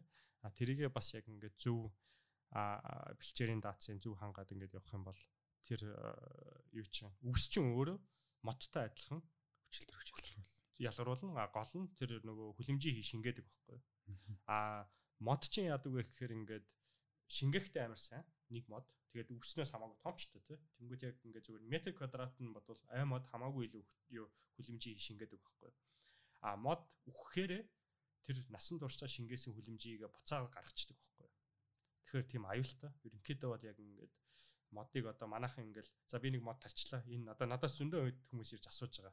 Ингээл бизнесмен үүч тэр ингээл зөндөө хүмүүс ах нь одоо ингээл 100 мод тарчлаа. Одоо хизээ би энийхээ кредитийг зараад авах ингээд тэр чин ингээд гол нь мод чин та яг энэ моем одоо 40 жил арчлаад хамгаалаад ингээд өхүүлэхгүй байж чадна гэсэн баталгаан дээр үнэлж карбон кредит гаргадаг байхгүй юу. Яг тэгвэл одоо ингээд тарчдаг маргааш юм уу дараа жил ингээд мотч өгчих юм бол тэр хугацаанд хадгалсан хүлэмжийг буцаагаал агаар мантал руу гаргацдаг байхгүй тий. Тэгэхээр энэ бол яг ингээд өөрөө сайн арчилж чадахгүй бол энэ бол зүгээр өнөөдрийн маргааш одоо юу гэдэг лээ өнөөдрийн асуудлыг маргаашлуу шилжүүлж байгаа тийм асуудал болчиход байгаа. А яг үсч яадаг вэ гэхээр мөн адил хүлэмжийн адил чинь нөгөө юу юу лээ оксижен гаргаад хүлэмжийг өөртөө шингээж байгаа шүү дээ тий а модтой харьцуулах юм бол яадаг вэ гэхээр хөрсөндөө шингээждэг байхгүй. А тэгээд тэр хөрсийг л амар хөндөд авахгүй бол тэр хүлэмжийг хийж хөрсөндөө ингээд хадгалаад байдаг тий. Тэгэхээр тэрүүгээрээ бол асар их онцлогтой. А тэгээд тэрийг бид нар бас яг ингээд зөв нотолч одоо ингээд юу гэдэг Монголын талд одоо 1 м квадратад одоо өвс те тэдэн тоон одоо ингээд хүлэмжийг шингээд юм байна гэдгийг тэрийг хинч нотлоогүй байхгүй. Тэгэхээр бид нар энэ 100-аас эхлээд яасан Азийн сантай хамтраад бас яг одоо хөрсөндөө сенсорууд хийгээд тэгээд хиймэл оюухаа угсраад тэгээд дрон тэгээд хиймэл хиймэл дагуулын ашиглаад ийм reference point-ууд ашиглаад ерөнхийдөө бол яг энэ хөрсний шингээлтийг тодорхойлох гэж байгаа. Тэрийг ингээд тодорхойлж чадах юм бол бас одоо ингээд Монгол улс ч гэсэн улсаараа бид нар бол одоо жилд тэдэн сая тонн одоо дор хаяж бие нийт тооцоолсноор нэг 100 сая тонн ингээд уул нь бол хүлэмжийг бид нар ингээд шингээгээд байгаа байхгүй. А тэрийгээ бид нар зүгээр тодорхойлж чадаагүй болохоор ерөөсөө тэрийгээ яг ингээд хүлэмжийн хийж шингээс ингэж баталж чаддгүй, нотлж чаддгүй. Тэрийг бас ингээд нотлоод өччих юм бол Монгол улсын хувьд ч гэсэн асар тийм эрэг одоо дараа дараагийн томоохон санхүүжилт хүрэх. Тэгээд бид нар барыг тэрүүгээрээ дамжуулаад Парисын хилцээрийн а юунд хурчих бас тийм боломжтой хурчих юм байна шүү дээ. Хурчих тэр боломж харагдаад байгаа байхгүй тий. Тэгэхээр иймэрхүү юм дээр бол яг Монголын хувьд бол анхаарал өөрсдөө бас хэрэгжүүлээд байгаа. Эс таны сая яриануудыг санаануудыг сонсол ам ингээ ангажаасаа сүултээ ам ангаж сонсоод байгаа ажиглаа хаалаа штэ. Тэгэхээр одоо чинь 50 сая гэж байна тий. Утаа бол 50 сая. За бэлчээрийн 5 сая юм уу? А 5 сая. А бэлчээрийн дац чинь тэгвэл бүр амар их юм шүү тий. Тий. Бидний тооцоолсон бол зүгээр нэг 100 сая бол байгаа. Вау. Вау. Тэгвэл манайх чинь бүр амар их тийм боломжууд байгаад байна. За би ер нь дэлхийд бол яг carbon negative буюу яг одоо ингээд үйлдвэрлэж байгаа хүлэмжийн хийгээсээ илүү их шингээж байгаа таван л улс байдаг байхгүй юу? Бутан, Суринам, а өөр юу ч хэлээ. Ер нь бол нэг тийм тавхан л улс байдаг. Бүрийг албан ёсоор энэ улс бол одоо ингээд ялгарж байгаа хүлэмжийг хийгээсээ илүү их шингээж байгаа шүү гэх тээ. А тэгсэн чинь манай Монгол болохоор та бүхэн мэдж байгаа. За манай энэ гэр хороолын утаа байна. За одоо ингээд асар их уулуурхай ажлууд явагдаж байгаа. За дээрэс нь манай эрчим хүчний сүлжээний 90 төвнөд одоо ингээд нүүрсэн цахилгаан станцууд байгаа. Албан ёсоор а манай Монгол улс нэг хүнд ногдох а дотоодын нийт бүтээгдэхүүн нэрээ хамгийн Азда их хүлэмжийн ялгаруулдаг улс واخгүй юу. Нэг хүнд ногдох ДНБ гээрээ тий. А тэнгуү зүгээр миний бас мөрөөдөл юу гэхээр тэр нь яаж юм гэхээр яг төрөний хэлсэнчлэн манай энэ бусад одоо хөрсний нүсний бэлчээрийн тэр шингээлт ихэнч тооцоогүй болохоор тэр нь ийм статистик гараад байгаа байхгүй тий. А тэрийг бид нар нотлоод тооцож чадах юм бол би бол баг Монгол ус 6 дахь дэлхийн тийм ялгаруулж байгаасаа илүү хүлэмжийг шингээж байгаа тийм улс байхаа гэж би дотроо бодоод байдیں۔ А тэрийг л бид нар нотлоод тэр одоо зөв фактуудыг л одоо олон улсад гаргаж тавих хэрэгтэй байгаа байхгүй. Тэгэхээр тэгэх юм бол тэр бол одоо өөрөө ч гэсэн Монголын хувьд асар тийм том эриг бас өөрчлөлт болох боломжтой гэж хараад байгаа. Таны утаан дээр лавшруулад би асуу гэж бодлаа. Би жоон шуналтай л асуулт асуух гэдэг юм л та. Яагаад тэгэхээр өөрөө нэг хувь нэмэр оруулах гэж идэг чиг. За энэ жил 100 юм байна яагаад 1000 байж болохгүй гэж аригчл яагаад 1000 2000 байж болохгүй гэж яг энэ төслүүдийг хэрэгжүүлэхэд тэр хөрөнгө оруулалт буюу гарах зардал нь хэр байгаад байна вэ? За мөнгөндөө учир нь байгаад байна уу? Хүмүүс тэр одоо community ч юм уу хүмүүст энэ зөв ойлголтыг өгөхтэй байна. Одоо том асуудлын та яриач. Би бол нэг жоох ингээд галскас мөнгөний нусгаал жилт ингээл 2000 3000 гарна бүгдийг цохнаас залгамаар байгаа байхгүй. Гэхдээ би ч гэсэн мэдээж тэгмээр байгаа. А зүгээр энэ бол илүү юу юм шиг байгаа. Ингээд шин юм ярихад ингээд хүм болго амар гой хүлээж авдаг. Хонооч ямар гоё ингээл те компаниуд ч гэсэн томоохон компаниуд, банкнууд ч гэсэн те. Аа тэгээд яг хэрэгжүүлэх гэхээр манай байгаа эдийн засгийн бизнесийн тогтолцоо нь ийм инновацийг хурдан шингээж аваад хурдан тэрийг газар хөрсөн дээр хурцтайгаар түгээх тийм тогтолцоо байдаг юм байл. Одоо ингээд бид нар яг нэг асуудал биш. Гэхдээ би бол яасан бэ гэхээр одоо ингээд бид нар нэг айлд нэг 3000 доллараар 3500-аас 3000 доллараар яг тэр шилжилтийн бүрийн хийх боломжийг үүсгэх гээд яваад байгаа. Тэ одоо өөр Тэр одоо нарны зай хураагаар бүх юм нийлээ тий тий тэгээд ингэж яваад байгаа байхгүй тий. Тэгээд одоо ерөнхийдөө 100ха нэгээр ингэж солих гээд тий. А тэхийн тулд бид нар бол одоо ингэж тэгээд нэг айл болж дунджаар 15-аас 20 кредит гаргаж байгаа. А тэгээд тэр кредитийн нэг төр чинь хэдэн доллараар зарж чадах юм бэ гэдэг асуудал байгаа тий компаниудад. Сая бол эхний ээлжинд бол бид нар хангалттай өндөр үнээр зарж чадсан. А тэр үнээр бол одоо жишээлбэл нэг айл тэр 3000 доллараар жил хагасд ч юм уу эргүүлээд авчих тэр болцоо нь өсчихөж байгаа байхгүй тий. А тэр л мэдээ туршилтих байсан. 5 сая кредитийг яг тэр үнээр нь авах уугүй юу гэл ингээл. За тэгээд нэгт хоёрт бол одоо ингээд танаа технологич нэр өөрөө яг хэр яг одоо юу гэдэг лээ а туршигдсан. Тэгэхээр одоо баталгаатай юм бэ. 5 айл дээр мэдээж сайн байна. а наач 100 айл дээр 1000 айл дээр 5000 айл дээр 50000 айл дээр яг болох юм уу гэх те нэгт хоёрт бол яг ингээд босод одоо 20000 айл хэрэгжүүллээ гэхэд манай яг саяны 5 айл шиг яг бидний хүснээр тэр системээ арчилж авч яваад яг тэр одоо хэдий тэр кредитээ борлуулад мөнгө авч байгаа ч гэсэн хажуугаар нь яг 100ха төлөхгүй байж чадахгүй гэдэг энэ бүхнийг бид нар бас мэдээж хариуцлагатаар судлах хэрэгтэй. А тэгэхгүй бол зүгээр ингээд аа болчлоо тавхан айл дээр болчлоо гэж одоо 50 мянган хийнэ гэж болохгүй л дээ тэ. А тэгээд би бас яасан энэ дээр бас нэг тийм санхүүгийн а ингээл банкнуудын даргамжтай ярихад бол бүгдээр амар дэмжиж байгаа байхгүй ямар гоё наа чи ста нэрээ тийм байж тэгэл ингээл бид нар ч гэсэн одоо ингээл тэр айлууд нь кредитийг барьцаалал зээл үг юм уу гээл а яг ингээл тэдний дүрм журмлоо орж ирэхээр тэр чи ингээд хүмүүс нь гацчихж байгаа байхгүй. Тэгээ чи яаж бид нар одоо энэ айл энэ айл чи одоо жишээлбэл өөрийнхөө их усрыг баталж чадахгүй нотолж чадахгүй гэл ингээл зөндөө яг нөгөө миний түрүүний хэлээд байсан бизнесийн тогтолцоо нь одоо яг ингээд ийм шинэ инновацийг бас яг хурдан тэрэнд ингээд нийцүүлээд юмаа өөрчлөх бол бас арай цаг болоог байгаа юм шиг. Мэдээж тех тэгнэ. А тэрийг бол одоо бид нар ч гэсэн ингээд хамтарч ажиллаад тэр одоо замын зааж өгөөд ингээд хамтдаа ингээд ажиллаад явж байгаа. А тэгэхээр би бол илүү бас яг ингээд хариуцлагатаар мэдээж хийх нь зөв. А гэхдээ ингээд одоо бодоод үзэхэд бол 5-аас 100 гэдэг чинь 20 дахин илүү байгаа байхгүй тийм нэг 6 сарын дотор бид нар тэгж чадж байгаа байхгүй. Магадгүй яг энэ 20 гэсэн коэффициентээ ингээд бариад яваад бариад явах юм бол тий дараа жил одоо 100 үрчих нь 20 тэрний дараа тэрийг үрчих нь 20 гэл ингээд явхад бол би бол дотроо бол 5 жилийн дотор бол энийг ингээд шийдэх бүрэн боломжтой гэж хараад байгаа. А хажуугаар нь энийг шийдэхин тулд асар хариуцлагатай тэгээд бүх тэр шийдлүүд нь маш сайн судлагдсан маш сайн тийм судалгааны суурь дээр үндэслэгдэж хийгдэх хэрэгтэй. Яагаад гэвэл яарч хагаад хаа нэгэн бид нар алдаа гаргаад тэгээд тэрийгэ мэдлгүй ингээд өргөжүүлээд явчих юм бол өөрөө энэ ингээд маш сайн болох байсан юм нураах тийм эрсдэлтэй байгаа байхгүй тий. Тэгэхээр бол миний хувьд бол яг ингээд мэдээж би ч гэсэн айлхаа хурдан мутанаас ингээд шийдлийг ингээд гаргаад хүмүүсийг ингээд ягаад тий утаанаасаа салчмаар байна тий.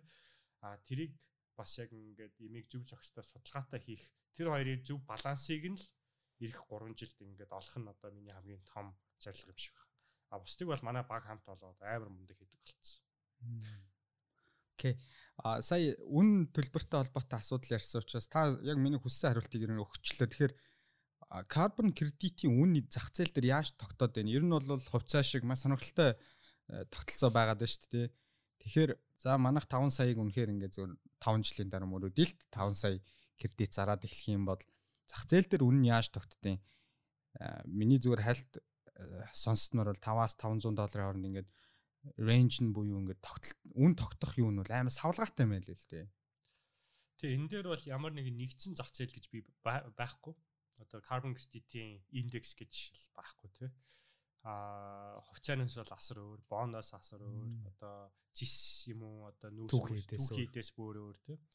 А ягаад энэ гэхээр энэ бол аа ингэж одоо эний чи хэн авч байгаа юм бэ гэхээр маш тийм баян том компаниуд авч байгаа Microsoft тэгэл Google Moogle уул уурхайн компаниуд, авиа компаниуд тий. А тэд нар яагаад авч ийн гэхээр төрөний миний хэлсэн яг өөрсдөө бол одоо тийм хөлимжийгээ бууруулах зорилт тавьсан. А тэгвэл одоо технологийн эдийн засгийн хязгааруудаас болоод а тэр хүрх одоо яг нэг зорилттой хүрч чадахгүй, хангалттай хүрч чадахгүй. Тэгээд одоо кредитээр тэрийг дүүцүүлж байгаа тий. А тэгэнгүүт тэд нар бол ингэж байгаа. А хоёр механизм байгаа үнд тодорхойлох тийм. Нэг нь бол одоо илүү түрүүн миний хэлсэн нийгмийн үр нөлөө ихтэй. Нүүбийн одоо нөгөө нэг тогтвортой хөгжлийн үзүүлэлтүүд гэж байдаг шүү дээ 17 гэдэг үлээ тий Тэр чинь ингээд хэдийг хангасан гэдэг тийм төслүүд байдаг байхгүй юу? Одоо жишээл ингээл хүүхдийн эрүүл мэндэд энэ төсөл хүлэмжийн хий бууруулахын гадна одоо ингээл хүүхдийн эрүүл мэндэд тусдаа гих мэт мэт. Одоо жишээл манай энэ гэр хорооллын төсөл яг бараг л одоо тэр нөгөө нэг маш олон шалгуурыг хангах. Тийм одоо нөгөө нэг далаа тэнгистэй холбоотойгоос бусад бүх шалгууруудыг хангачиж байгаа байхгүй тий. Одоо ингээл хүүхдийн одоо жишээл сая UNICEF-ийн судалгаагаар гэр хороолд амьдарч байгаа нэлх хүүхдийн аа уушгийн багтаамж эрүүл хүүхдээс 40% бага байна гэж байгаа байхгүй тий. 40% шүү дээ 4% биш 14% биш 40% ер нь тал уушигтай тийм биш. Хүсэж ийн гэж байгаа байхгүй. Тэр бол одоо ингээд би бол ховынд ингээд сонсоход бол амар тийм хэцүү одоо хүүхдүүдээр тэгэл одоо яг өнгөрсөн жил гисэн байхгүй эхнэр битээ хоёр бол ингээд имлэгээр л хоёр хүүхдээ ээлжлээл Тэгэл тэр чинь ингээд нэг тийм зүгээр ч өгдөхгүй. Мэдээж ингээд жоохон байх танаа төрөх халуурах тийм болно асуудалгүй тий. А манай энд ягаад юм гэхээр чи ингээл маргааш нь хатхаа болчихж байгаа тий.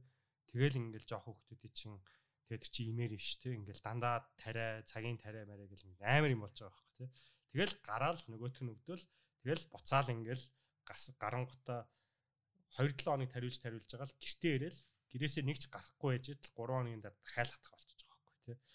Тэгэхээр тэр бол одоо ингээд өөрөө яг ингээд амар тийм том а тэгээд өөр дахиад нэг судалгаа байгаа. Дундаж Монголд ажил ажиллаж байгаа хүн одоо бид нэр шүү дээ. А жилд орлогынхаа 10%-ийг хүүхэд нь энэ утаанаас болж өвчснөөс болж алддаг гэж байгаа өөрөө ч тэр хүүхдэн ч тэр. Одоо ингээл имлэг домлог ингээл тийм тариа. За нэгт хоёрт бол одоо ингээд ажилласаа чөлөө аавн тий.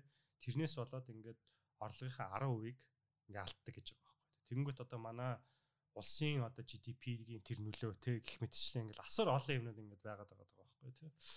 А тэгэхээр дахиад нэг Бах дэлгэрч. Carbon credit-ийн үн гингүүт яаж тогтдог гингүү та нөгөө нүүбийн доктортой 17 хөгжлөлийг хангасан гэдэг асуулт гарсан. Үүнүүд яг нөгөө тэр carbon credit-ийг худалдаж авч байгаа хүмүүс чинь байгууллагууд юу харж байгаа гэхээр за эхлээд энэ бол яг хүлэмжийн хийгээ бууруулж байгаа гэдгийг маш сайн нотлсон байх хэрэгтэй. Аа.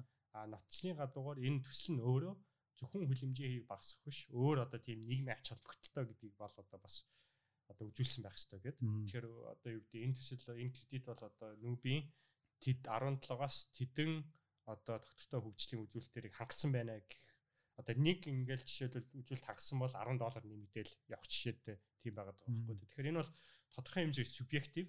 Одоо ингээд тэгэхээр нөгөө тал дээр бол одоо бидний нэг ажил юу гэхээр хэр бас яг энэ юмаа гоё тэр худалдан авагчтай зөв тайлбарлаж тэдний сонирхлын хэр хэмжээгээр татаж чадна тэр хэмжээгээр үнэн нь илүү өснө л гэсэн үг тийм ойлголт байгаа. А хажуугаар нь бол жишээлбэл яадаг вэ гэхээр хүлэмжийн татвар гэж одоо маш олон ялангуяа хөгжсөн улсууд э, хэрэгжүүлж эхэлж байгаа. Одоо Сингапур жишээлбэл өнгөрсөн жилээс эхлээд хүлэмжийн хийгийн татвар гэд нэвтрүүлсэн. Тэгэхээр бизнес болгон одоо чи тэдэн доллароос дээш орлоготой бол чи хүлэмжийн хийгээ тооцоолох ёстой. Тооцох ёстой. Тэгээд тэр одоо ямар ч бизнес байж хамаарлаа тий. Тэрэн дээр чин та нарын гаргаж байгаа тоон болгон дээр чинь татвар одоо авна гэдэг тийм тогтолцоо орцсон байхгүй. Өнгөрсөн жил 5 доллар байсан Сингапур доллар. Энэ жилээс 25 доллар болж байгаа. Дараа жилээс 35 доллар болно. Дараа жилээс тэрний дараа жилээс 65 доллар болоод тэгээд 85 доллар болох юм. А тэгэхээр одоо компаниуд яаж яах гэхээр би нэгт одоо ингээд хүлэмжийгээ бууруулахгүй ингээд яваад ах юм бол одоо жишээл бодоод үзэл тэ. Өнгөрсөн жил 100 мянган тонн хүлэмжийг гаргадаг байсан Сингапурын компани үлээ гэж бодъё те. Тэр чинь бас нэг тийм дунд одоо medium size business байдаг гэж бодъё те. Нэг үйлдвэрлэл явуулдаг. Тэд нар одоо одоо жишээлбэл өнгөрсөн жил 500 мянган доллар Сингапур доллар хүлэмжийн хийгийн татвар гэж төлсөн байгаа байхгүй юу? Яг тэгвэл тоон тутам 5 доллар гэдэг одоо яг л одоо орлогын татвар төлдөг шиг тэгж төлж байгаа байхгүй юу? За тэгээд за fine энийг төлчих гэж бодъё. Тэгмээ 6 жилийн дараа тэд нэр тэр хүлэмжийгээ бууруулахгүй бол 8 сая доллар Яг тэгвэл татвар нь 6 жилийн дараа 80 доллар болно гэд бүр хуульчлагдсан. Тэгээд тэрийг бизнесүүд нь мэдж байгаа. Тэгэнгүүт тэр компани яаж нэхэр одооноос ингээд за би яаж энэ 100 мянган доллар 100 мянган тоноо багасгах вэ гэд ингээд асар их хөрөнгө оруулалт хийж байгаа. А үлдсэн дээр нь тэд нар яах вэ гэхээр за би 80 доллароос доош кредит олж чадах юм бол тэрийг аваад би дүүцүүлчихнэ гэж байгаа. Тэгэнгүүт чинь одоо ингээд за юу гэдэг энэ саяны жишээн дээр авах юм бол 100 мянган тонн үйлдвэрлэл байсан компани ингээд яачлаа гэж бодё те. Асар их хөрөнгө оруулалт тэгээд процессыг сайжруулад тэгээд багасгачлаа 50%-аар багасгачлаа гэж бодё те. Тэгээд 50 мянган одоо юу яалаа гэж бодё те. А тонн гаргадаг боллоо гэж бодё те. Тэн дээрээ одоо 6 жилийн дараа 80 доллараар одоо өөрөөр хэлбэл 4 сая доллар төлөх гээд байгаа биз. А тэгэнгүүт тэд нар яах вэ гэхээр за эсвэл би 4 сая доллар төлнө. Эсвэл би одоо зах зээлээс 70 доллараар кредит худалдаж аваад дүүцүүлээд тэглээд тэгээд одоо 80 доллар төлж яхахын оронд би 80 70-аар юм уу 60-аар ингээд худалдаад авчна гэдэг. Тийм л ерөнхийдөө тогтолцоо байгаа байхгүй. Тэгэхээр үнэн нь бас яг хэрхэн яаж тодорхойлох юм бэ гэдэг дээр ч гэсэн одоо жишээлбэл олон улсад бол тийм нэгдсэн байр суурь хүрээг байгаа. Тэгэхээр бол яг л нэг бас бидний нэг зорилго бол энийг нэг ил тод Тэгээд бас нэг тийм нэгдсэн платформ бий болгоё гэдэг мөрөөдлийн бас нэг тэр тодорхой шалтгаан нь бас тэр байгаа байхгүй тий. Энэ чинь ил тод байж ээж илүү олон оролцогч талуудтай байж ээж ерөнхийдөө юмний чинь үн илүү стандарттай болно.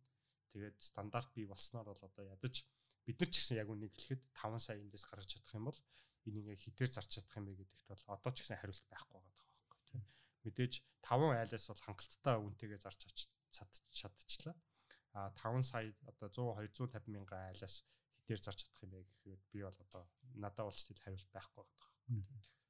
Гэхдээ бол бид нар эрэлтэн байна гэдэг дээр бол та санал нэгдэн үстэй тий. А тийм тэр бол одоо санал эрэлт бол байна угаасаа. Санал нэгтгэхэр барах уу? Ер нь бол одоо эрэлт байна гэдгийг бол одоо бид нар маш олон байдлаар нотлоод өөрсдөө бол одоо ихтгэл өмчтэй болцсон баг. Тэр нь бол бас хамгийн сайн мэдээ юм да тий.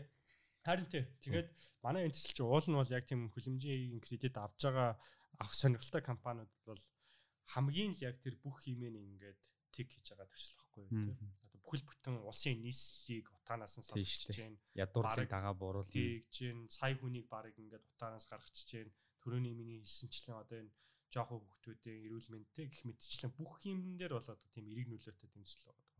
Тэгэхээр бид нар тэрийг нь зөв одоо тайлбарлаад зөв олон ус сурталчилж чадах юм бол тэгээд мэдээж хажуугаар нь төслөө яг зөв үе шаттайгаар зөв хэрэгжүүлж чадах юм бол би бол тодорхой хэмжээгээр энийг бол одоо дэлхийд маш хамгийн одоо үнэтэй байх кредитийн нэг болгож чадна гэдэгтээ бол хүний хувьд бол итгэл үнэмшилтэй байт.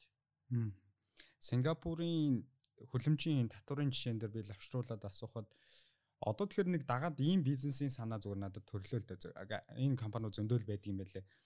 Одоо тэгэхээр компаниуд ингээд татвараар нь чахаад дарамтлаад эхлэхээр энэ хэд чинь жилдээ ойролцоогоор үйлдвэрлэлэд юм уу ямар нэг өөрсдийн тэр бүтээгдэхүүн үйлдвэрлэж байгаа процессоос хэр хэмжээний хөлбөмбөгийн хий ялгаруулж байгаа хэмжих шаардлага үүсэж штэ аль байсны одоо аудитинг газраа санхүүгийн тайлангаа шинжилүүлдэг шиг Тэгэхээр танах бас тэр үйлчлэгийг хийнэ гэсэн үү? Одоо очиод хэмжих нь байна. Хэмжингүүтээ тайлан гаргаж өгөх нь байна. Тайлан дээрнээс нь үнслээд за танах иймэрхүү байдлаар одоо жишээ нь процессоо шинчлэх юм бол танах энэ тог эх 5 жил өөр бууруулах нь гэдэг бүр зөвлөх үйлчлэгийг үзүүлж болох юм цогцсон юм систем компаниудаас олон улсад байгаа л хальта. Танах энэ лүү бас орох уу яваа да. Гэхдээ бид нар орцсон байгаа. Орцсон. Тэгээ аль хэдийн одоо Монголын баг хамгийн том компаниудын нэгийнх сая хийгээд дуусгаж байгаа шиг Нууц ушил ямар компани? Аа тэр жоохон нууц гэж магадгүй. Би бас нөгөө NDA эдрийн сайн мэдгүй болохоор бас одоо нөгөө аль аль талынх нь юу яагаад яах вэ? Аа тэгээд хийгээд дуусгасан байгаа. Одоо тавтахад аа тайлагнах гэж байгаа. Тий. Тэгээд а цаашдаа бид нар бол тэрийг бүр улам нарийсгаад хөгжүүлээд бүр тийм платформ яг одоо бид нар нэрлээд байгаа DAS гэдэг decarbonization as a service тийм платформ компаниудад нэвтрүүлж өгч байгаа. Тэгээд а гэхдээ яванда бол би яг үнийг хэлэхэд манайх бол тэр бизнесийг урт хугацаанд бол хийхгүй байх. Яг тэгвэл тэр бол өөрийн чинь хэлдгээр маш тийм хүн хүч шаардлагатай юм шаардлагатай. Тэрийг аль болохоор автоматжуулах гээд бид нар үзэж байгаа. Бас тэр бол боломжтой тийм.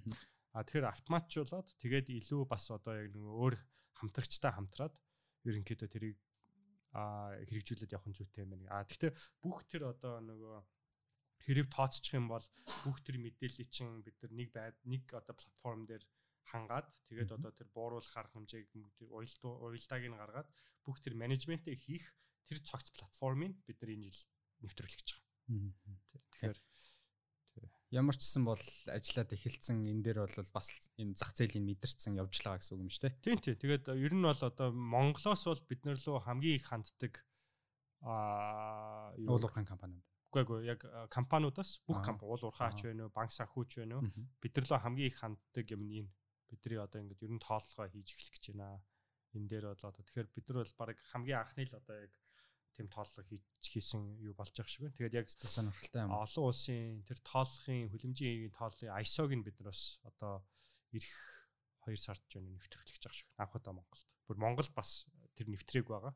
Тэгээ Монгол нэвтрүүлээд тэгээ тэрийг бас бид нар хэрэгжүүлээд явах тийм одоо төлөвлөгөөний даваа ажиллаж байгаа. Багаараа маш завгүй л ажиллаж байгаа юм. Энэ 5 дахь өдөр бол таны хамт олонны ер нь том өдөр шүү дээ. Тийм тийм. Хөрөнгө оруулалтын өвдөж шүү дээ. Тэгээд бас анхны хийсэн хамтын ажиллагаатай холбоотой компанид бас. Үгүй тэр нь өмнөх 5 дахь. Өмнөх 5 дахь нь. Тэр нэг хөрөнгө оруулалтын хорооно. А энэ 5 дахьд бол одоо нөгөө тэр компанийн тайлангаа танилцуулж байгаа.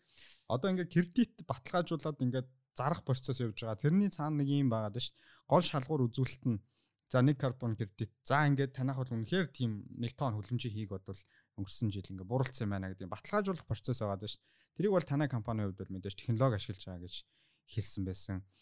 За тэр дундаа блокчейн тий. Тэгэхээр энийг ингээд маш товчхоогээр за тэр одоо нэг технологийн ингээд амар сүртэй сүртэй өгөөд ашиглаад тахаар хүмүүс энгийн хүмүүс юм зарим нь бас ингээд сүрдээд нэг гүнзгий ойлгохыг хүсдэг юм шиг. Та зүгээр энгийн үгээр тайлбарлавал яг ямар технологиг ашиглаад яаж тэр датагийн баталгаажуулаад байна гэсэн үг вэ? Аа бид нар баг 3 4 технологи ашиглаж байгаа. Хамгийн ихний ээлжинд бол бид нар IoT сенсор буюу ухаалаг сенсор гэрт нь байршуулж байгаа системтэйгээ хамт. А тэр мэн яадаг гэхээр одоо ингээд яг энэ нарны панелээс батарейгаас хэрэгтэй бол сүлжээнээс хэдэн киловатт цаг ашиглаж байна. Ер нь тоолвор зүгээр одоо энгийнээр ярих юм бол тий. За энэ хүн яг одоо нарны панелаа ашиглаж гин үгүй юу? За тэгээд одоо GPS байгаа. За яг энэ хүн нүгэд явцсан байх үгүй юу гэхээр тэрийг мэдчихэдэг. Дээрээс нь нэмээд өөр сенсорууд одоо carbon monoxide гэл одоо хүлэмжийн сенсорууд а хажуугаар нь ямар сенсор байдаг вэ гэхээр юуны? А дулаан мэдрэгч тэгээд агаарын а юу мэдрэгч? Чигшил мэдрэгч. А тэгээд энэ бүх датануудыг манай хиймэл оюун ухаан байнгын хинжээдэг. Тэгээд яадаг вэ гэхээр яг энэ хүн өдөр тутамд сэргээх төрчин хүчнийхаа их усүрээс цахилгаан ашиглаж гин үү а эрчим хүчний сүлжээнээс ашиглаж гин үү эсвэл 100-аа буцаж оруулаад ашиглаж гин үү гэдгийг бид нар байнгын хянаад явж байгаа байхгүй. Яг гэвэл тэр чинь а цахилгаан хаалгаар болиулаад эсвэл дээрээс нь нэмээд 100-аа галчих оруулж ирээд галчих юм бол чигшил агаарын чигшилд өөрчлөлт ороод тэгээд нөгөө юуны хэлбэлцэл нь өөрчлөгдөө тэгээд панел манелийнх нь ч гэсэн бүх химиг ингэж бид нар харж байгаа. Яг энэ хүн бол одоо сүүлийн тэдэн цаг өчтөр жишээлбэл те яг тэдэн хувь нь сэргэгч юм ашигласан байна. Тэдэн хувь нь одоо сүлжээнээс авсан байна. Тэрүүгээрээ дамжуулаад тэдэн тэдэн хүлэмжийн грамм, килограмм хүлэмжийн буруулсан байна нь бол ингээд байнгын хийнаад идэв те. Тэгэхээр энэ бол одоо тийм ухаалаг сенсорууд тэгээд хиймэл оюун ухаан а хамтарсан тийм одоо комплекс систем байгаад байгаа байхгүй тий. А тэгээд тэр бичлэлт нь бол зөвхөн блокчейн дээр хийгддэг. Одоо яг бүр бид нар блокчейн дээр юугаа байршуулсан бэ гэхээр бүр яг тэр манай хиймэл оюун ухаан яг энэ бүх датагаа хэрхэн яаж аудит хийгээд тэр үр дүнд хүрсэн хүртлээ бид нар ингээд блокчейн дээр ил тод хинч орж ирээд аудитлах боломжтойгоор байршуулдаг байхгүй. Тэгэхээр өөрөөр хэлбэл ингээд энэ хүн тэдэн кредит гаргах ёстой байсан байна гэж дүгнэлтэд хүрэх шатаа хүртэл бид нар ингээд ил тод байлгатай. Тэгээд ийм болохоор ийм өгдөлтүүдээр үнслээд бид нар бол энэ хүнийг ингээд тэдэн килограмм өчигдөр хүлэмжийг бууруулсан гэж үзэж байна. Манай хэмэл оюухаа үзэж байна гэд Тэгээд тэрийгээ ингээд аудитлах боломжтой. За тэгээд тэрийгээ ингээд за өдөр болгоо ингээд баталгаажуулаад за өчигдөр та бол одоо тэдэн килограмм хүлэмжийг бууруулсан байна. Тэгээд тэрнийг нь одоо кредит руу хуургаад тэгээд яг хуу тэр блокчейнийг бас юунд ашигладаг вэ гэхээр яг одоо энэ кредит нь энэ хүнээс гаралтай шүү гэдгийг л одоо хянаал яваал бид нар өөрөөр хэлбэл Eureka орж ирээ тэрийг одоо өөрчлөх ямар ч тийм боломжгүй л гэсэн үг байгаа байхгүй тий. Яг тэгвэл бас нэг аюулчин бол бид нар орж ирээд илүү их кредит үйлдвэрлэсэн юм шиг болгох тийм цаанаа уул нэг тийм инсентивтэй байж магадгүй гэж хардах ирэх байгаа байхгүй юу хүмүүстэй. Тэгэхээр тэрийг бас урьдчилан сэргийлэхийн үднээс бид нар бүх юм нэгт ил тод хоёрт бол одоо бидний зүгээс ямар ч одоо гар оролцоо орох боломж багасч шүү дээ. Багасах гэхээс илүү зүгээр халтсан бид нар. Окей. Энэ бол fully automated тиймийг болцсон байгаа байхгүй юу. Тэгэхээр энгийнээр одоо энэ нь хангалттай энгийн байсан уу мэдгүй. Гэхдээ энгийнээр ингээд тайлбарлах юм бол иймэрхүү технологиг гэж ашиглаж байгаа. Аа одоо ингээ утаатай холбоотой төслийг би ингээ сонсонгууд иргэн болгон л бид нэр за утааг болмоор жил болгоны 11 сард л манайхан чинь за яах вэ? Угаасаа хүн болгоны л асуудал шүү дээ. Ялангуяа хүүхдтэй гэр бүлүүд хүүхдтэй болоод эхлэнгүүд бүр энийг өөр дээрээ хүчтэй энэ өвдөлтийг авч байгаа болов гэж бодож байна. Тэгэхээр иргэн хүн тэгвэл танай энэ төсөлд одоо хувь нэмэр ороо бид нар ч яг яаж утаа багсахын гэхээр одоо оролцоо юунд оролцох хүмүүс мэддэггүй шүү дээ. За одоо тэгвэл би танай төслийг сонсоод оролцмоор байгаа хөө. Тэгээ хөв нөмрөө оруулмаар байгаа хөө. Тэгэхээр эхлээд би зүгээр төрийг ярихаас өмнө иргэдүүд ямар оролцооны боломжоор та ингээ хангаж өгч байна. Бид нар хөрөнгө оруулах уу? Нэг бол бид нар яах уу? Би бол өөрсдийнхөө яг энэ уур амьсгалын өөрчлөлтийн талаарх нэгт те. Хоёрт одоо энэ утааны талаар яг энэ утааны асуудал нь өөрөө яг юунаас үүсээд байгаагийн талаар л дор дороо өөрсдийгөө боловсруулах мэдлэгээ ихсгэх те. Аа тэгээд одоо бас аа тэгжээж аа бидний бас яг юу хийх гээд байгааг илүү сайн ойлгож чадах байх гэж бодод. А тэрийг нь ойлгочих юм бол энэ баг нэг тийм дэмжгүй гэсэн хүн баг байх үнслэхгүй байхгүй тий. Нэг эндээс хохироод байгаа тийм оролцогч тал байхгүй байхгүй тий. Тэгэхээр бидний зүгээс бол мэдээж энийг улам үргэлжлүүлэхэд бол а түрүүн хэлсэн ингээд мөнгө нь бол ингээд Сингапурт нэ Швейцарт нэ байгаад байгаа байхгүй тий. Тийшэл тэрийг л одоо хурдан нааша татаж зөв байдлаар нь авчрах тийм асуудал байгаа байхгүй тий. Тэгэхээр энэ дээр үргэлжлүүлэх тусам биднэрт ингээд мэдээж дуу хоолойгоо нэгтгэхэд явах олон оролцогч талууд хэрэгтэй болно тий. А аль болохоор бидрийг ингээд а урмын үгээр дэмжиж ингээд явж байгаа. Тэр чинь бас өөрөө яг ингээд стартапад мөнгнөөс илүү барыг тэр хүмүүсийн урмын үг нь илүү үнцэнтэй капитал байд юм бэл. Яг одооний үед бол тий. Тэгэхээр манай баг хамт олныг ч гэсэн яг ингээд урмын үгээр ингээд итгээд за бас одоо ингээд бид нартай ингээд хамтарч ажиллах тэр зоригтой шийдвэрүүдийг гаргах нь ч гэсэн амар тийм том юу байхгүй бидэрт одоо тусалцаа үзүүлж байгаагийн л нэг шин шилбэр шүү дээ тий. А тэрний бүх үндэс суурь бол одоо өөрийн хэлснээр иргэн болгон бол яг ингээд өөрийгөө энэ уур амьсгалын өөрчлөлийн талаар илүү боловсруулах мэдлэгтэй болох та. Надад хамгийн хэцүү юу байдаг вэ гэхээр наа чин шал худлаа штэ. Тийм уур амьсгалын өөрчлөлт гэж юу байдیں۔ Одоо бити худлаа яриад байна. Ийм мар одоо ингээд одоо бараг л сүулдэ мэдгүй. Ийм юмар бизнес хийхэ бойл гэж байна. Үгүй үгүй нэг тийм бизнестэй ч биш. Наа чин бараг одоо нэг тийм барууны улсуудын бий болгосон пропаганда. Одоо сүулдэ бараг Трамп Трамптай ууж юм яад нэг тиймэрхүү яриа лу орхон зүгээр миний цагийн гарч байгаад байдаг. Би тэр тэр хүнд ингээд нэг үгүй ингээд нэг жижигнээсээ бодтоо штэ гэж одоо ярих надаа үндэ цаг завч байдгүй тэгэх одоо энерги чалах тийм. Тэгэхээр мэдээж энэ дээр хүн болгон дор дороо судалгаагаа хийгээд тэгээд өөрийн гисэн одоо үжил бодлынхаа дагуу тийм дүгнэлтэнд хүрэх ёстой. Аа тэгэхээр миний хүсэл мөрөдл бол аль болохоор тэр дүгнэлтийг бол ингээд өөрийн гисэн судалгаан дээр үндэслээд тэгээд нэг тийм хүн одоо өөр тийм элдв бала буруу юм давталгүйгээр тэр дүгнэлтээ хийх нь л одоо яг иргэн иргэн хувийн хувьас бол бидний ажил тусалж чадах хамгийн том одоо тусламж л гэж би бодож байна. Дараагийн хэсэг нь болохоор төр ерөөсөө оролцохгүйгээр баг та та хийчих юм шүү дээ энэ утааны асуудлыг хэрвээ төр ирэн оролцыг бол аль үед шат дээр нь дэмжлэг хэрэгтэй байна. Одоо жишээл бидний нүүбийн төсөл дээр хот оролцож байгаа. Тодорхой хэмжээгээр байгаль орчны амж гэсэн мэдээж дэмжлэг үзүүлэлт явж байгаа. Энэ бол бодлогын тийм тусалцаа хэрэг болно. Тэ нэгт бол одоо яг энэ манад бол carbon credit-ийн бүтгэлийн тийм систем улс даяар хэрэгтэй. А тэгэхгүй бол яг эн чинь бас нэг тийм крипто шиг хүн болгоно л carbon гэдэг чинь амар гоё юм байт юм ингээл ингээл зах зээл нь өөрөө буруу тал дээр ингээд хөгжиж юм бол тэр бол бас асар том аюул. Энийг нэг тийм хүмүүс зүгээр л мөнгө гэж хараад маргааш энэ ч өстэй амар гоё юм болгоод би мөнгө хийчих юм байна гэж харах юм бол тэр бол энэ зах зээл тулгарсан байгаа богино хугацааны хамгийн том эрсдэл байхгүй юу.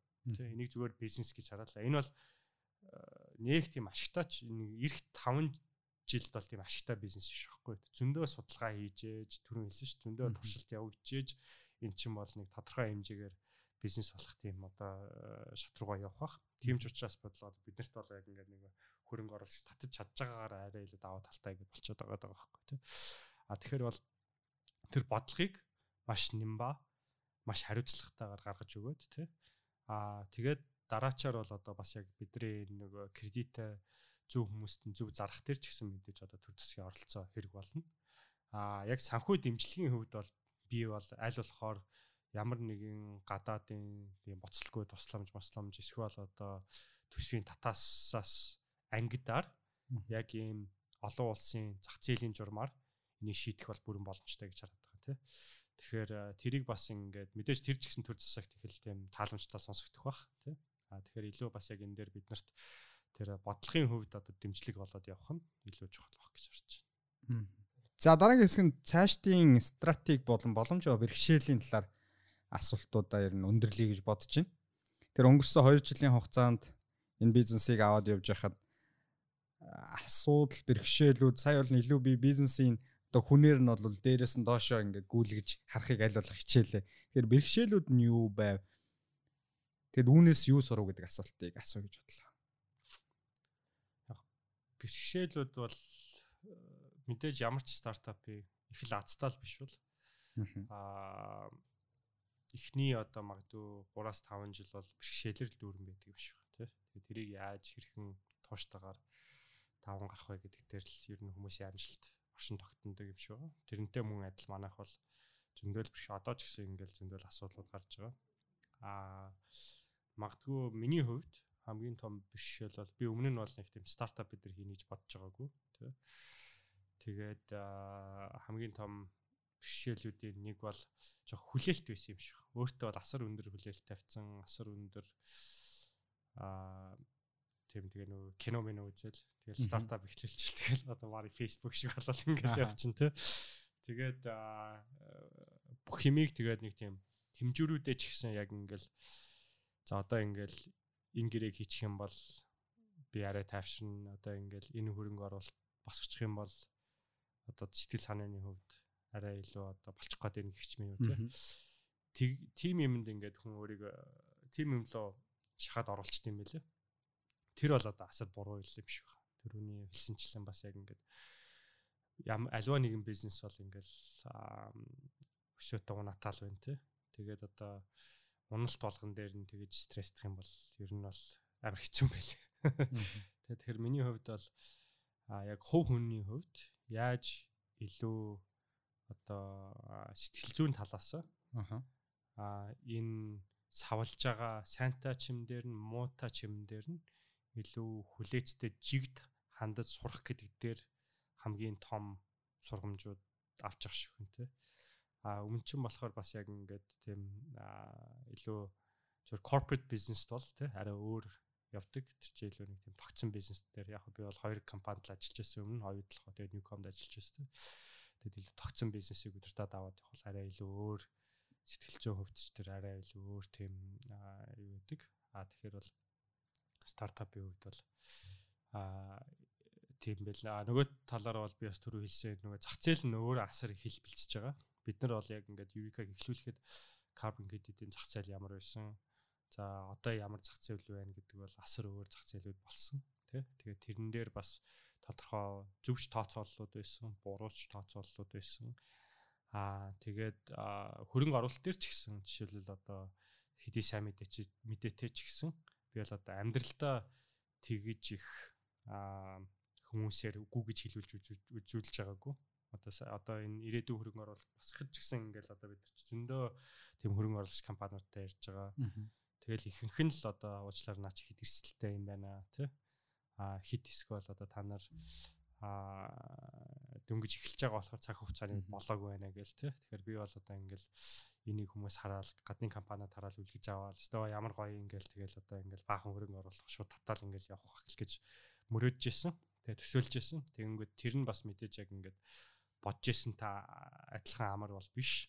Тэгээд одоо түрүүний хэлсэнчлэн баг одоо ингээд бид нар чинь нийтдээ магадгүй 50 60 компаниудтай ингээд харьцаж байгаа юм тий. Тэгэл тэдний ихэнх нь л бол одоо үгүйл гэж хэлж байгаа юм чи тий. Тэгээд тэр бол одоо бас яг ингээд ялангуяа хүн өөрийгөө бас тодорхой хэмжээгээр бизнесийн ертөнцид нэр хүндтэй тэгээд ингээд нэг тодорхой хэмжээгээр амжилт гаргацсан гэж бодож байгаа хүнд одоо ингээд байнгын тим их үгүй гэж одоо rejection авах бол бас их тийм сонирхолтой юу юм бэ лээ. Яг мэдээж тодорхой хэмжээгээр тийм бэлтгэлтэй байсан ч гэсэн тиймэрхүү бишэлүүд байгаа. Хажуугаар нь бол одоо бас яг ингээд шин шин юм эхлүүлнэ гэдэгтээ уялдуулсан ч гэсэн одоо хараагүй төсөөлж байгаа ч үгүй ч тийм одоо бишэлүүд гарсан. Бид нар жишээлбэл өнгөрсөн жил бас туршилтын байдлаар хүмүүс ингээд зөвхөн компаниуд биш одоо ингээд хувь хүмүүс ч гэсэн ийм carbon credit аваад тэрийг бас одоо наймаалжуулах why not гэж одоо бас тийм app гаргасан. Тэгээд их амжилттай явж исэн л та. Тэгээд бас тэр чинь бид нар нөгөө Сингапурд үйл ажиллагаа явуулдаг болохоор нөгөө гимт хэргийн эсрэг мөнгө угаалтын эсрэг асар тийм том Сингапурын шаардлагууд байдаг. А тэн дээр нь асар их бас мөнгө зарад яг тэр одоо 8 одоо 8 эдийн платформ дээр app дээр маш их тийм одоо мөнгө угаахын эсрэг жишээлбэл тийм системүүд нэвтрүүлсэн баггүй юу? Тэгээд хүмүүс даунлоод хийгээд ингээд кредит кредит даваад байжсэн чинь нэг том юу гарч ирээд аа анхаарал гарч ирээд тэгээ ингээ харсан чинь нэг нөхөр 12 өөр кредит карт ашиглаад тэгээд carbon credit худалдаад авсан байгаа байхгүй хэдэн мянган доллар очлоо. Тэгээ тэр нь амар тийм suspicious ерөнхийдөө бол юу байна гэд тэ. Нэг тийм ноцтой сонин гүйлгээ байна гэд бидний систем дээр ингээ гараад ирж байгаа.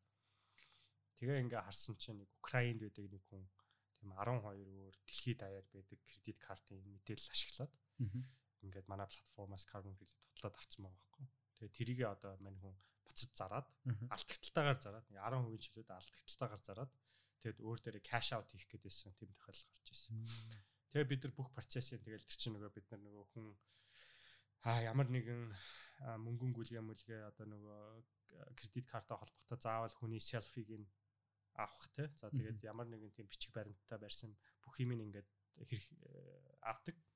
Тэгээд ингээд ухраагаад үтсэн чинь тэр хүнийг шалгасан чинь ингээд тэр авсан зураг нь гисэн чинь ингээд мань нөхөр ингээд юугүй за цамцгүй потолохгүй тэгэл нэг тийм тамхитай нэг Украин гар ингээд жолооныхаа өмлийг барьсан тийм зураг байгаа байхгүй юу. Тэгээд Украины хаач гэлээд. Тэгээд тэр хүн бол ямар ч тийм байгаль орчин нэг тийм уран амьсгалын төлөө нэг тийм явхааргүй хүн байгаад байгаа байхгүй юу. Нэг нь үнэн нэг тийм итгээд хар. Тэгээд бид нар нөгөө swipe бидэртэй ингээд нөгөө хамт ажилтдаг банк банктайгаа илүү шалгаад үзсэн чи ерөнхийдөө бол тийм бүлэглүүд байд юм билэ. Гинт хэрэгтний бүлэглүүд. Тэд нар яадаг вэ гэхээр ингээд энэ тэнд хүмүүсийн кредит картын мэдээллийг хулгайлаад тэгээд өмнө чинь тэд нар яадаг байсан бэ гэхээр тэр одоо кино мино гэдэг шүү дээ. Хулгайлсан кредит карт дээр а өөр карт бий болгоод тэрийг нэг дэлгүүрт ороод зурагт аваад тэгээд тэр хүний одоо минийхийг ч гэсэн тэгжсэн байхгүй кредит картыг ерөнхийдөө ингээд нэг өдөр шилсэн чинь та Италийн Милан хотоос Samsung-аас хэдэн зуун долларын таблет авсан авсан байна гэд. Тэгээд ингээд би би Улаанбаатарт байна юу наа чи Миланд явлаа гэд. Тэгсэн чинь ерөнхийдөө ингээд нөгөө гадаадд ялангуяа ATM эдэр ашиглаж авах чинь ингээд мэдээллийг чи авчдаг. Тэр мэдээллийг чинь өөр картн дээр ингээд хевлээд тэгэл одоо тэр картаар чи ингээд баахан электрон бараа худдаж аваад тэрийг өөр тийм хар хар хар одоо зах дээр зараад тэгэж кэш болгодог байхгүй тийм.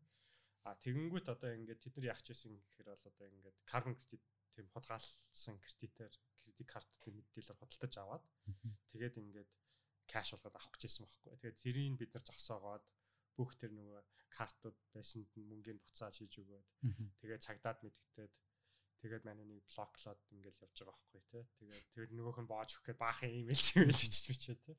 Гэвч чинь одоо тэрийг бол би бараг зүудлээчгүй тийм болдог гэд. Тэгээд дараа нь ингээл харсан чи одоо жишээлбэл маш том тийм крипто эксченжүүд яг л тийм тийм байдлаар томорсон байгаа байхгүй тий. Иранаас ингээл санкц одоо Америкийн санкцыг ингээл тойрох гол ингээл хүмүүс крипто аваад ингээл яасан гэх мэтчлэн. Тэгэхээр Тиймэрхүү юмнууд бас нөгөө төрөний хэлсэнчлэн зөндөл одоо таамагш таамаглалаагүй мөрөд одоо сэтгэж байгаа ч хөө тиймэрхүү юмнууд бол зөндөл болт юм байлээ тийм.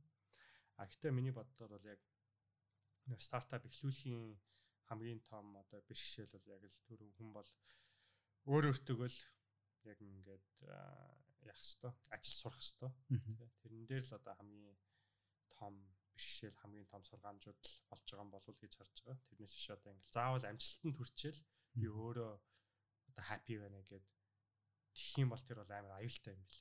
Тэ яг тэгвэл ялангуяа гарааны бизнес хийж байгаа хүнд бол тэ.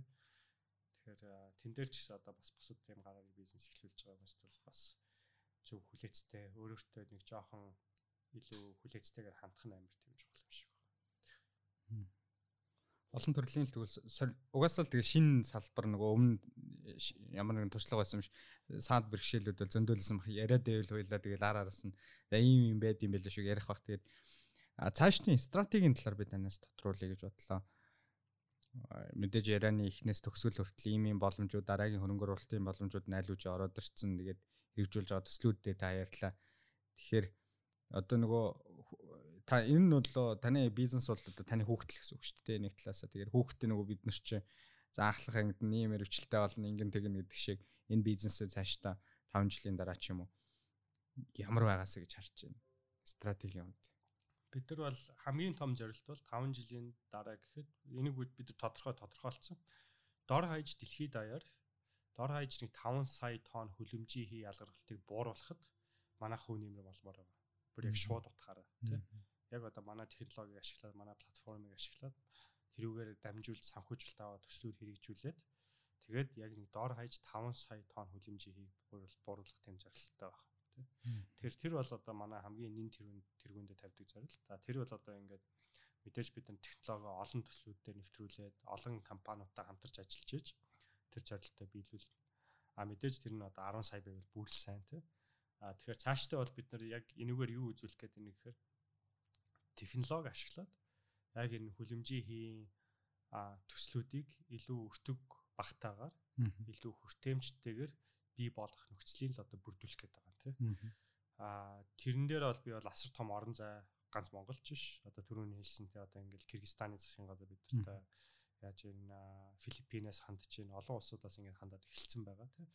Тэгэхээр тэр болгон дээрээ бол одоо бид бас зөв ажиллаад зөв түншүүттэйгээ хамтраад тэр төслүүдийг тэр компаниудад бас хэрэгтэй тэр одоо технологи үйлчлэгийг нэвтрүүлж чадна гэдэгт бол би тодорхой хэмжээгээр итгэлтэй байгаа. Аа тэгээд манай хамт олон ч гэсэн бас тэрэн дээр ер нь амар одоо мундаг хамт олонтой тий. Тэгээд тэд нар тэд нар маань ч гэсэн одоо улам сайжраад өргөжөөд яваад тэр зорилготой бол одоо бүрэн хүрэх боломжтой л гэж хараад байгаа шүү тий. Маш гоё юм байцэн. Дэлхийн нэг жил гаргаж байгаа хүлэмжийн хин хэмжээнэр нь хэд хэдий? А тэр чи хэдэлээ би мартчих. Бас замбрааг бол тоо. А тийм тийм мэдээж чи одоо тэрийг бол одоо хотлоо тоо хэлж яхаар одоо мэдхгүй гэж хэлсэн. Тэр ах тий. За баярлалаа. Тэгээд бид хэдийн баг хамт олноороос хитэн медиагийн баг хамт олноороо бас зорж чичээж оролдоод үзье гэсэн цоошин контентын маань хамгийн ихний зочноор бидний урилгыг хүлээж аваад манай студид хүрэлцэж хүрэлцэж ирсэн орчтон захиралдаа маш их баярлалаа. Тэгээд энэ удаагийн Skeleton Media-гийн Day 1 гэдэг байгаа шүү дээ. Энэ контентын маань хамгийн ихний зочноор Eureka компани үүсгэн байгуулагч орчлон захирал байлаа. Баярлалаа та бүхэндээ.